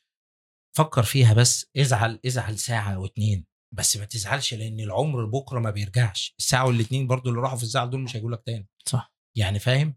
فالعمر كده كده هيجري بيك. أنت ذات نفسك هتفتكر الأيام دي وهتضحك. آه ما إحنا كلنا كنا بنزعل كلنا كنا بنيأس. آه، بتاخد كتف من ده ده ده بيزقك من الشغل ده بيبص لك بيقول لك هو إشمعنى أحمد بقى عنده كذا. م. مش مهم. ما هو كده كده خلاص. أنا مكمل في حياتي م. عايش في حياتي. لأن هو هو بينجح هو نجح كده في اللي هو يأثر عليك. هو نجح اللي هو يدمرك يدمر لك مستقبلك. هو نجح اللي هو يوقف لك طريقك. حتى لو أنت كنت ماشي ما إحنا في الآخر إيه؟ إحنا كلنا ساعات بنمشي غلط. صح. ماشي هتمشي غلط. ماشي هتعدل. هترجع للنور تاني. ما أنا ما, ما آخر الضلمة بيبقى إيه؟ آخر الضلمة نور. في الآخر هيبقى في شعاع كده ربنا بيقول لك هو ده. أنا بقيت بتكلم ده. أنت أنت أنت النهارده حلقة عميقة آه، خطيره أنا ما أعرفش. خطيرة. صح؟ لا خطيرة، والله مش بجد. عارف. آه لا لا أنا أنت أنت متضايق؟ متضايق إن أنت بالعكس والله العظيم. بجد؟ والله بالعكس. طب أنت القصة بتاعت الكورة رايحة بينا على فين؟ يعني ناوي تعمل إيه في القصة بتاعت التعليق الكروي دي؟ لأن الفيديوهات. مم. آه لأ يعني ككورة وال social media أنا والله عملت أنا عملت برنامجين كورة. عملت برنامج مع الكابتن رضا عبد العال ده أيوة. كان في إم بي سي. وعملت برنامج اسمه سعفان sport. آه، ده كان على شاهد. وغير الفيديوهات الأساسية اللي أنا بعملها على اليوتيوب. و- والفيسبوك يعني ال social media عامة. أنا تملي. حتى لما كنت بعمل فيديوهات على إم بي سي اخلص وما اعمل فيديو على ال social media. لأن فكان يجي حد يقول لي يا عم طب ما هيشوفك هنا هيشوفك أقول له يا عم ولا ماشي. بس تملي سيب حاجة ما بينك وما بين الناس. لما أنا عاوز أخش أشوف أحمد شريف في أي وقت اخش أتفرج عليه ببلاش. اخش اشوفه هو لسه زي ما هو.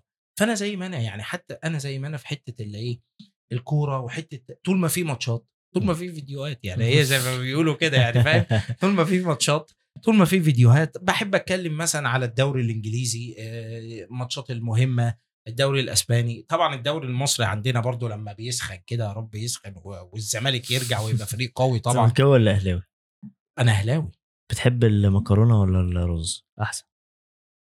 أنا عامل diet دلوقتي. مش هقدر عشان ما تخليناش ننزل دلوقتي عند أبو طارق يعني لا والله يعني فاهم؟ أنا بحب المكرونة ال white sauce shrimp. الله. الله. انت آه. انت عارف امبارح أكلت عند مكان كده غ... يعني أول مرة كنت أشوفه في وسط البلد محل اسمه آه. عم حسن. مش عارف عديت قدامه ولا حسن؟ محل غريب صغير دخلت لقيته زحمة ده موت. بعد البدل رحت أكلته؟ لا ده قبل البدل آه، ما أنا رحت. خلاص بقى ما تفضحنيش ما أنا رحت. متأخر على اللعب أيوة، امبارح. تمام. كنت ب... على طول كده. ما يا أخي خلاص بقى مش ماشي، لازم اتفضل يا سيدي. تفضحني في برنامج يعني. كان عم حسن بيبيع إيه؟ بيبيع جمبري وسي فود ومكرونة بس كده. حبيبي وهم. طبقين بنفس السعر بتروح تشتريهم وتروح يعني فما عندوش منيو أصلا منيو ثلاث حاجات كده. ده أنا هروح. فانبهرت فلازم نطلع بعد البادل المرة الجاية. لازم نروح لعم حسن. لا لا ما أنا بحب ال- الأكلات دي قوي ف... ف... فزي أهلاوي ولا زملكاوي بقى؟ انت أنت العيلة كلها أهلاوي. أهلاوي. أهلاوي. أنت عارف إن عيلتي كلها زملكاوية؟ لا إحنا عيلة أهلاوية جدا ومتعصبين يعني هم يعني متعصبين قوي أنا آه. كنت برضه متعصب قوي بس شوية اللي هو عادي اللي هو في الآخر يعني أتعصب للأهلي في أفريقيا آه بس في. و- وبرضه من الناس اللي أنا نفسي نفسي الزمالك يرجع تاني مم. نفسي الزمالك يرجع في لعب. كده و... أهلي من غير زمالك مفيش أهلي أنا بكلمك بأمانة الزمالك قطب كبير شئت ام أبيت هو أقوى أقوى فريق في الدوري المصري ليه شعبية جماهيرية بعد النادي الأهلي. صح. الفرحة اللي أنت تخش الاستاد كده وهو مليان ستين ألف متفرج العالم كله بيتفرج علينا دي حاجة مهمة جدا. فأنا الزمالك يعني في ناس كتير بتعمل فيديوهات أو في حد أو في مثلا ناس بتيجي تكلمني يا عم خش اعمل فيديو مثلا الزمالك اتغلب النهارده الزمالك وقع كذا آه، الزمالك ما فشل في صفقة كذا الزمالك وقع في صفقة. ما بعملش. ليه بقى؟ أنا ما رقم في يعني ف- مثلا لو, لو أنت بتعمل هتعمل ريتش يبقى حلو وبتاع لأ بس أنت عارف بشيل هم واحد زملكاوي زيي أهلاوي لو الاهلي في الموقف ده أنا هزعل آه. أنا هتضايق. يعني أنا هتضايق لما احمد شاهين يعمل فيديو يتريق على الأهلي وهو كده. يا أخي أنت محترم والله. لا والله العظيم بتكلم جد. أصل أصل أنا صراحة يعني بأمانة اللعبة بتاعت الكورة أنا في صحاب ليا كتير بقى متعصبين أيوة جدا طبعا. وعاملين groups على الواتساب ومش عارف إيه. لا بيجي وقت ما حد يكسب من التاني في group بتلاقيه فاهم أيوه كله روح. لا لا ده أنا عايز ف- أقول لك في يعني أيوه فأنت كمعلق قصدي أنت موقعك إن أنت أصلا ده بتاعك يعني أنت لو حلو. اتكلمت محدش هيتكلم محدش بس- هيقول لك حاجة بس أنا من النوع اللي أنا ما أشوفش الدم الواحد أدوس عليه أنا بقى بجد والله يعني لأن بقول لك لو الأهلي في موقف الزمالك أنا هرفض أي حد يطلع يتريق على النادي بتاعي أو يطلع يشمت فيه أو يطلع صح. صح. كل ده عشان مثلا فيوهات لا يا عم ملعون أبو الفيوهات عشان واحد مثلا زعلان ولا واحد آه يبقى تعب أنا أساسا متضايق أنا متضايق من اللي بيحصل في النادي. فنفسي الزمالك يرجع. لما يخلق بقى الزمالك منافسة ويبقى قد الأهلي في إدارته مثلا في في في, في قدراته المالية في فريقه الزمالك موقوف مقود مرتين يعني ما يقدرش يجيب لعيبة جديدة يعني هو مكمل باللعيبة دي. مم. فلم مم. إنما النادي الأهلي بيجيب لعيبة بيجيب عنده إدارة عنده تعاقدات عنده منظومة احترافية كاملة ناجحة متكاملة. إمتى بقى أنا أتكلم على الزمالك؟ لما يبقى في قوة الأهلي لا ده لو الزمالك اتغلب أطلع أصلخه. بس يبقى قوي. يعني فاهم؟ يبقى قوي. إنما أنا دلوقتي كل اللي هعمله هروح أشمت. في, في نادي الزمالك فالجمهور اللي متابعه هيتضايق وانت هيتضايق وغير كده وكده مثلا آه ويجي مثلا يشتم أو يجي يعمل لا بس أنا هتضايق بس إيه مم. بس لا هي في الأول والآخر أنا نفسي الزمالك يرجع مم. يعني أنا واحد من الناس أنا عايز الزمالك يرجع بقوته مم. مش عايز أنا اللي هو لا إنما النادي الأهلي النادي الأهلي عشان كده بقول لك إيه أنا ساعات مثلا أبقى متعصب في أفريقيا. فلان إحنا إحنا عندنا كارثة برضه في الكرة المصرية دي حقيقة إحنا عندنا كارثة إحنا عندنا أندية شعبية بس السنة دي في الدوري خمس أندية شعبية. مم. عندك الأهلي زمالك الاتحاد المصري الإسماعيلي وبلدية المحلة. طبعا يعني في غزل المحلة طبعا نزل أسوان نزلت مم. والباقي كلها أندية شركات. فعارف يعني إيه كلها أندية شركات؟ يعني كل سنة وإحنا طيبين يا ام محمد. مفيش مفيش جماهير. والمصحف يعني يعني يعني أنت هتروح مثلا هتحضر ماتش النادي الأهلي فاهم؟ وزد. زد دي الشركة مين اللي هيروح؟ هكذا أصلا اللي شغالين في شركة أهلاوية مم. أو زملكاوية what- يعني فاهم؟ مفيش الاستاد هيبقى فاضي هم جماهير الاهلي الألفية. هتحضر مثلا الأهلي ضد فاركو. لو رحت شجعت فاركو بتاخد علبة فوار هديه هم بيكافئوه ما هو كده والمصحف. يعني فاهم؟ إنبي خلاص الغاز الطبيعي داخل مفيش أنابيب. يعني فاهم؟ ما بقتش إيه يعني فاهم؟ في الأول كنت بتروح تاخد أنابيب. فأنت عندك الدوري المصري كله بقى إحنا داخلين بقى كله أندية شركات. زمان كان في حاجة اسمها دوري الشركات. دول كان دوري الشركات. فتحوها قال لك لا يخشوا هنا. مم. فطبعا عندك أندية كتير زي غزل المحلة الأولمبي الكروم آه آه أسوان. كان عندك أسوان. كان عندك المنيا كان عندك آه السويس غزل السويس وأسمنت السويس و- وكل حاجة. كان في جمبري السويس بيبقى حلو كده عارف؟ فاهم؟ أزاز. كان عندك فاهم؟ فإيه يعني كان عندك شوية فرق كان في شيبين دي كان ليها فريق آه، اسمه جمهورية شيبين كان ليه جمهور كبير. يعني فاهم؟ شبين الكوم. شيبين الكوم. كان في. الترماي نادي الترماي. كان عندك حتى الترسانة. مم. كان في الترسانة. ففين الفرق دي؟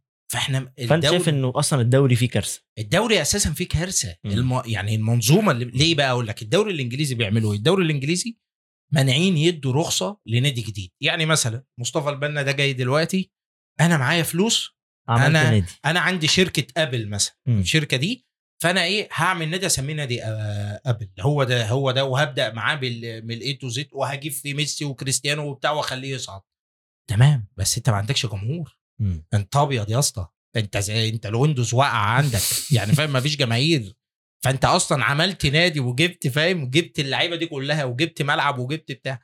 برضه ما فيش إلا أربعة يشجعوا Apple. يعني اللي طبعا في mouse keyboard هو ده اللي هيجي يشجعك. إنما فاهم؟ إنما مين اللي هيشوفك؟ يعني فاهمني؟ أيوه. فالدوري ف ف ف ف ف ف ف في الدوري الإنجليزي عندهم مانعين يدوا رخصة. لنادي جديد. بيعملوا إيه بقى؟ بيجي له أنت مستثمر. تعالى يا باشا أنت مستثمر خد نادي عنده شعبية جماهيرية واصرف عليه وهو يبقى ليك sponsor زي مثلا يعني أنت عندك في أندية كتير عندك برضه فولهام اللي هو بتاع محمد الفايد الله يرحمه زمان عندك استون فيلا كل دي فرق بتعب عندك برايتون عندك تشيلسي عندك السيتي. يعني مانشستر سيتي ما هو م. ملكا لل- للإمارات يعني فاهم؟ أيوه. يعني فاهم فأنت بقى المفروض إحنا هنا في مصر كنا نعمل كده. يجي لك مثلا مستثمر تمام؟ تعالى يا مستثمر أنت عايز تعمل نادي ليه باسم شركتك؟ يعني فاهم؟ يعني صباح الفل يعني. يعني فاهم؟ حاجة ما يعني ليه؟ فاركو ماشي فاركو تمام نادي سيراميكا كليوباترا. يعني إيه سيراميكا كليوباترا؟ يعني فاهم ليه تعمل نادي اسمه نادي سيراميكا كليوباترا؟ دي ماركة تمام فاهم؟ أنا اعمل لك ماركة شباب البلاط ونخش نكسر في بعض. فأنت يعني فاهم تعالى بقى أنت إيه ماشي ورئيس النادي وبتاع والشركة تمام ونا. تعالى بقى خد نادي جماهيري بمعنى خد الإسماعيلي. الاسماعيلي كده كده واقع. إسماعيلي آه بس إسماعيلي أنا أنا مثلا زمان كنت أعرف أهلي وزمالك. إسماعيلي دخل. آه ما صح هو الإسماعيلي يعني أنا عايز أقول لك الإسماعيلي ربنا يستر عليه السنة دي برضه. مفيش خالص. مم. ما ده بيبيعوا محصول المانجا في الشتاء عشان يصرفوا على النادي. لأن ما في تعال أنت بقى كمستثمر تعالى بدل ما أعمل نادي جديد أبقى رئيس نادي مثلا زي الإسماعيلي. عنده شعبية وعنده جماهيرية. وأعمل معاه sponsor يا عم وأحط اسم شركتي على التيشيرت بتاعه وأغرق النادي. أنا موافق. يعني أنا موافق وغير يعني فاهم غير الاستاد كله خليه إيه بالشكل بتاعك بشكل اللوجو بتاعك بشكل الشركة بتاعتك. مم. واصرف على النادي. يبقى أنت لما تصرف على النادي أنا جالي عائد كالنادي الإسماعيلي بقى مشجعين رجعت تاني بقى في في إقبال تاني على الجماهير بقى في كرة تانية غزل المحل أروح لغزل المحل آه، أعمل طب ليه أعمل نادي جديد؟ ما أنا ليه ما أنا عندي الأساس. أيوه. ما هي دي المشكلة عندنا في المنظومة بقى في ال في ال في, ال في الكرة المصرية. أنا عندي الأساس. ليه ادور على اللي يتعبني يعني فاهمني طب أنت شايف إيه أكتر حاجة أنت الأول أول إيه أكتر فريق أوروبي بتحب تشجعه؟ والله أنا بحب في الدوري الإنجليزي بحب ليفربول آه بحب ريال مدريد مم. بحب ال- اليوفنتوس دول لما. بيلعبوا بتتأثر معاهم وكده وبت... آه يعني فاهم بتبقى آه يعني ريال مدريد آه، ما برضو لازم لازم آه، ليفربول طبعا يعني فاهم بحبه طب آه، تفتكر محمد صلاح هيروح آه، السعودية؟ مش هيروح. ما هو ما هو آه. السنة دي محمد صلاح خلاص آه، قفلها الصراحة. بالفيديو اللي عمل لا هو قفلها لما في فيديو أنا شفته كده أنا ما ف... أنا ما بفهمش في الكورة لا ده Photoshop. بجد؟ آه، أنهي فيديو؟ الفيديو اللي هو دخل ف... كان في تي شيرت كده قلع التي شيرت والقصة ولا ده معمول آه اللي هو بتاع التيك توك على آه، صفحته آه، الرسمية؟ آه، آه, آه. آه لا هو محمد صلاح. هو خد بالك محمد صلاح طبعا الدوري السعودي خلينا نتكلم بالمناظير الصحيحة وبنتكلم بال الدوري السعودي دلوقتي بقى في حتة تانية مم. يعني الدوري السعودي بقى قوي يعني جدا. جدا, جدا ب ب ب ب ب باللعيبة باللعيبة اللي هو جابها. و و و و و وطبعا ده استثمار عندهم ليه وهم راصدين صندوق الاستثمار الدولي اللي هو يجيب لعيبة. صندوق الاستثمار السعودي اللي هو يجيب لعيبة ويخلي الدوري بتاعهم يبقى قوي ويبقى ده حق مشروع لأي حد فطبعا جابوا نيمار وجابوا آه، كريم بنزيما وجابوا كانتي وفابينيو واندرسون ورياض محرز وجابوا آه، متروفيتش وجابوا ناس ياخدوا المونوريل. الفارق لو محمد صلاح راح كده خلاص. لا محمد صلاح فعلا لأن محمد صلاح وعلى فكرة هو ده راي حتى كمان ناس سعوديين كتير يعني فاهم اللي في الشعب السعودي اللي هو محمد صلاح ماشي. هم شايفين آه ما يجيش. طبعا جمهور الاتحاد لأن اتحاد جدة هو اللي كان بي هو اللي كان بيفاوض محمد صلاح فطبعا جمهور الاتحاد عايز محمد صلاح عشان يقويهم. طبعا.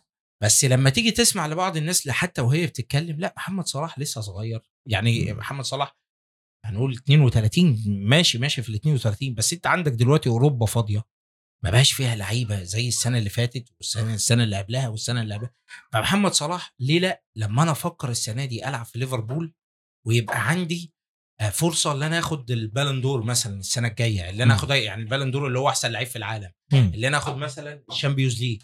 اللي أنا آخد اللي أنا آخد مثلا الحاجات اللي هي آه، هداف الدوري هداف دوري أبطال أوروبا هو عنده حلم اللي هو السنة دي في مشروع حتى فهو هو النادي كمان رفض منعا بتاتا وكلوب كمان كان رافض لأن هو عنده مشروع السنة دي اللي هم عايزين ياخدوا بطولة مم. وبيكونوا بالفريق وجابوا عناصر جديدة للفرقة وكان المشروع قايم ده كله قايم على صلاح وطبعا النادي قدر محمد صلاح في التعاقد معاه لما خير يعني خيروه ما بين ماني ولا صلاح خيروا كلوب مم. فكلوب اختار صلاح وقال لك لا أنا عايز صلاح مشوا ماني عشان المرتب وادوا لمحمد صلاح راتب برضه كبير طبعا. يعني فاهمني فادوا له فلوس فهو يعني زي ما تقول النادي هنا كان واقف مع صلاح فهو النادي هنا كان رافض يمشي صلاح بسبب المشروع اللي هو عنده اللي هو عايز يوصل آه السنة دي ياخدوا شا... آه طبعا السنة دي مش هيلعبوا Champions League Champions League هيلعبوا Europa League.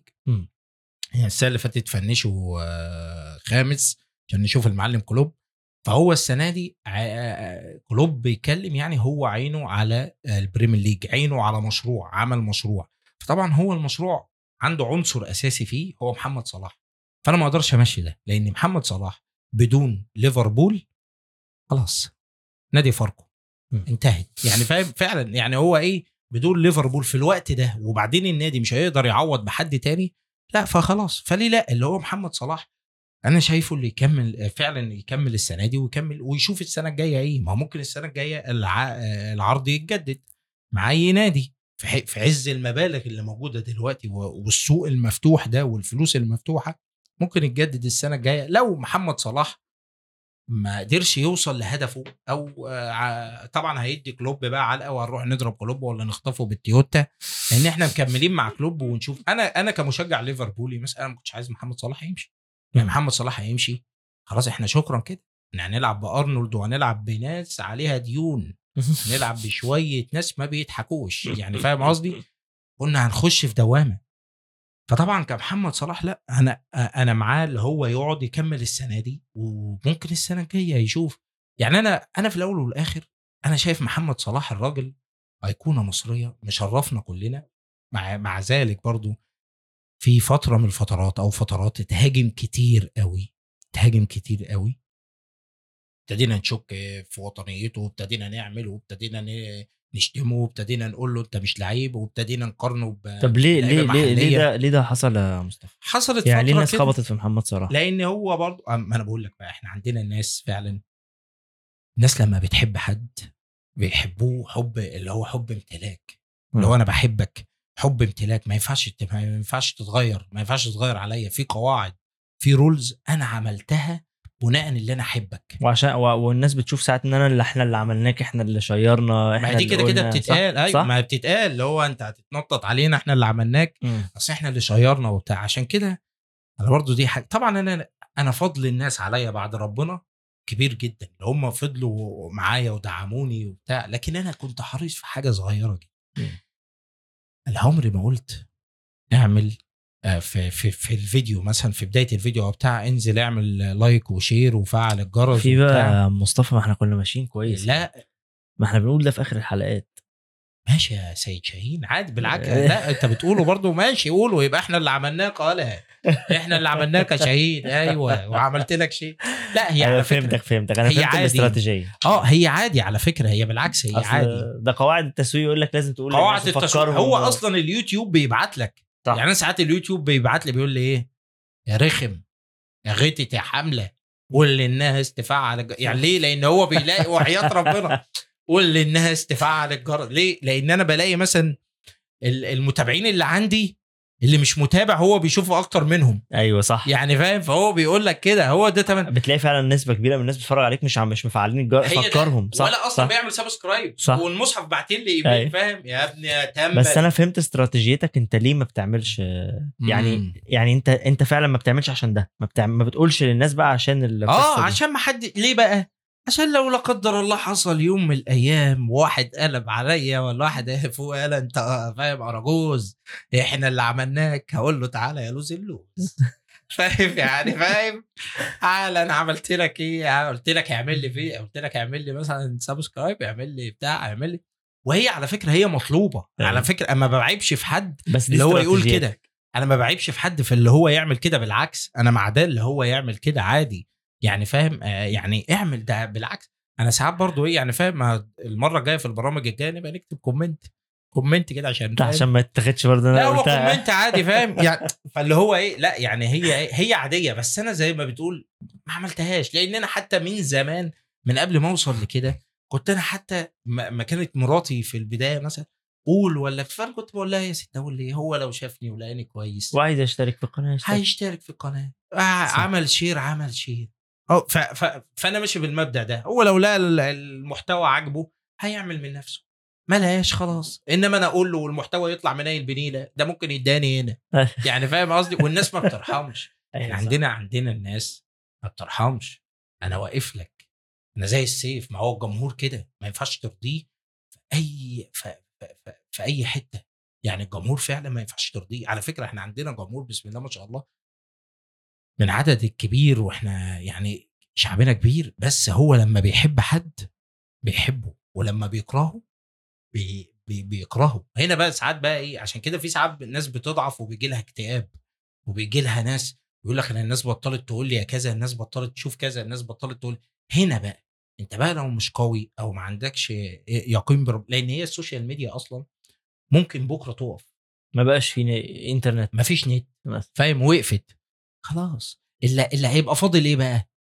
هي الكلمة الحلوة اللي أنت كنت بتقولها اللي أنا وأنا مثلا ما نازل أجيب الجرايد أو نزل أتمشى في شبه إحنا هنرجع بقى للجرايد نزل أتمشى في الشارع واحد قال لك والله يا عم أنت كنت بتضحكنا أو إحنا كنا بنشوف فيديوهاتك أو إحنا كذا وإحنا كذا. يعني فاهم؟ هي الكلمة دي اللي قاعدة. إنما ال social media في الآخر والأول هو جهاز. ممكن طب ما أنا أقول لك على حاجة. أنا في أنا حصلت لي حاجة كده. عز لما إيه كنت بعمل برنامج. أنا كنت عملت برنامج اللي هو رضا يقدمه سعفان على MBC. أنا والكابتن رضا عبد العال وكان هو برنامج 10 دقائق كان منتخب مصر في أمم أفريقيا. أيوه. وكان البرنامج بادئ وده وده وده بكلام القناة يعني ودي حقيقة يعني. كنا إحنا بنطلع 10 دقائق ل 12 دقيقة. فإحنا كان معانا إعلانين بس تمام؟ أول أسبوع بقى معانا 12 دقيقة وثلاث دقائق إعلانات. يا نهار. على ما على ما قفلت البرنامج. يوم ماتش الفاينل كان معانا 14 دقيقة حلقة 10 دقائق إعلانات. ده أوه. رقم قوي. ده رقم صعب جدا. ده رقم قوي. طبعا. وكان يعني والقناه يعني MBC وكان عندها الحاجات دي. آه والله وجاء الهادي حتى يعني المخرج يعني فاهم؟ وحتى كنا إحنا بنشوف بقى بنستنى فاهم؟ الواحد كان إيه بي- بيطلب نص فرخه في الفاصل يعني فاهم؟ فإيه فيعني الحمد لله كنا عاملين برنامج من لا شيء. يعني خد بالك أنا عايز أقول لك برضو بمناسبة كابتن رضا عبد العال ناس كتير بتهاجمه وناس يعني اللي هو اللي بيقول لك كذا. هو الراجل بسيط جدا هو طالع بيقول الكلام اللي في قلبه آه غلط صح بقى هو مقتنع بيه يعني فاهم هو مقتنع بيه إنما كشخص هو هو راجل آه،. غلبان ومحترم وبتاع يعني فاهم قصدي فأنا كنت أنا والكابتن رضا حتى أنا من أول يوم بقى بص أول يوم في الحلقة لما جت كلموني قالوا لي عايزين قلت لهم آه، أنا مش مذيع. أنا لو جيت هعمل نفس اللي بعمله في الفيديوهات. حلو. فاللي هو بطريقتي يعني مش همسك ورقة وقلم. ولا أنت رأيك يا كابتن رضا في الدقيقة 32 عمل؟ لا أنا مش كده. أنا هقول رأيي فاهم؟ وبعد كده الكابتن رضا يقول رأيه. فإحنا الاثنين واحد يعني فاهم؟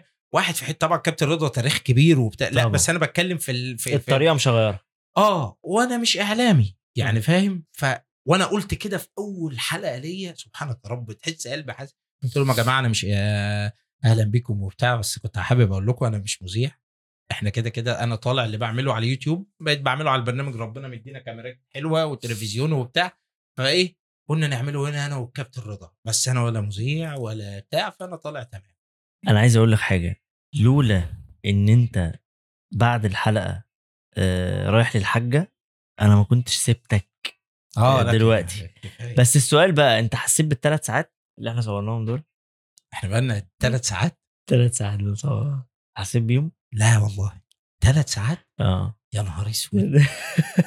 بس أنت هتنزل أكيد بقى ثلاث ساعات. الثلاث ساعات بينزلوا مع بعض. لا يا جدع آه بتهزر يا عم والناس بتتفرج الحمد لله. ما شاء الله. بس والله ثلاث ما شاء ده أوبنهايمر بيشتغل. طب إحنا عشان نقفل الحلقة بقى بصراحة في سؤالين ما كناش بنسألهم بقى لنا كذا حلقة. بس آه. أنت نيتك صافية فلازم تتسألهم. إيه؟ السؤال الأولاني إحنا بننهي الحلقة كده إيه بسؤالين خفاف لطاف. آه، أول حتى واحد لو جامد قول. آه يعني قول لنا ثلاث حاجات عن مصطفى مش لازم ثلاثة يعني حتى انت براحتك يعني. أيوه. قول لنا حاجة عن مصطفى ما حدش يعرفها ولا حتى الناس القريبين منك آه، يعني مراتك لو بتتفرج على الحلقة تنبهر يعني. ما حدش يعرفها إزاي حاجة آه يعني حاجة يعني حاجة حاجة زي إيه مثلا؟ والله انت براحتك يعني حتى الوقت ال air time اللي هيجي دلوقتي بعد السؤال ده تفكر براحتك هنشيله في المونتاج. بس قول لنا حاجة الناس حتى ممكن الناس اللي صحابك اللي حواليك كده ما يعرفوش عنك يعني. حاجة أنا بحبها يعني؟ ده حاجة بتحبها حاجة بتخاف منها حاجة بتكرهها حاجة كده آه أنا أنا كده كده أنا بخاف من الضلمة. إيه ده يعني- بجد؟ آه بخاف من الضلمة.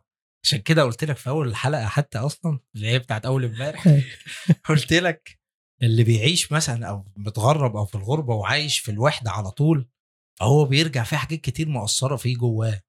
يعني أنا لو ليك صاحب لو ليك صاحب متغرب أو بتاع لاحظ لما بيجي لك. هتلاقيه تملي يحب يقعد في نور وتملي ما يقعدش لوحده يقعد مع واحد أو اتنين أو بتاع يعني فاهم يخاف من الضلمة ينام ينام ممكن لما النهار يجي يعني فاهم فأنا آه فأنا شوية آه أخاف من الضلمة يعني فاهم حتى لما بقلق كده شوية يعني برضه آه والله بخاف ما بحبهاش. طب لو يرجع بيك الزمن آه، إيه الحاجات اللي كان ممكن لو حد قالها لك كانت فرقت معاك فنشاركها للناس في نهاية الحلقة. اللي حتى هي لو نصيحة واحدة. آه حاجات إيه؟ يعني نصيحة لو حد كان قالها لك لو رجع بيك الزمن وحد قالها لك كانت فرقت معاك وكنت تحب حد يقولها لك لو ينفع يعني. والله لو أقول لك يعني ما يعني ما, ما فيش حاجة في دماغي قوي يعني فاهمني؟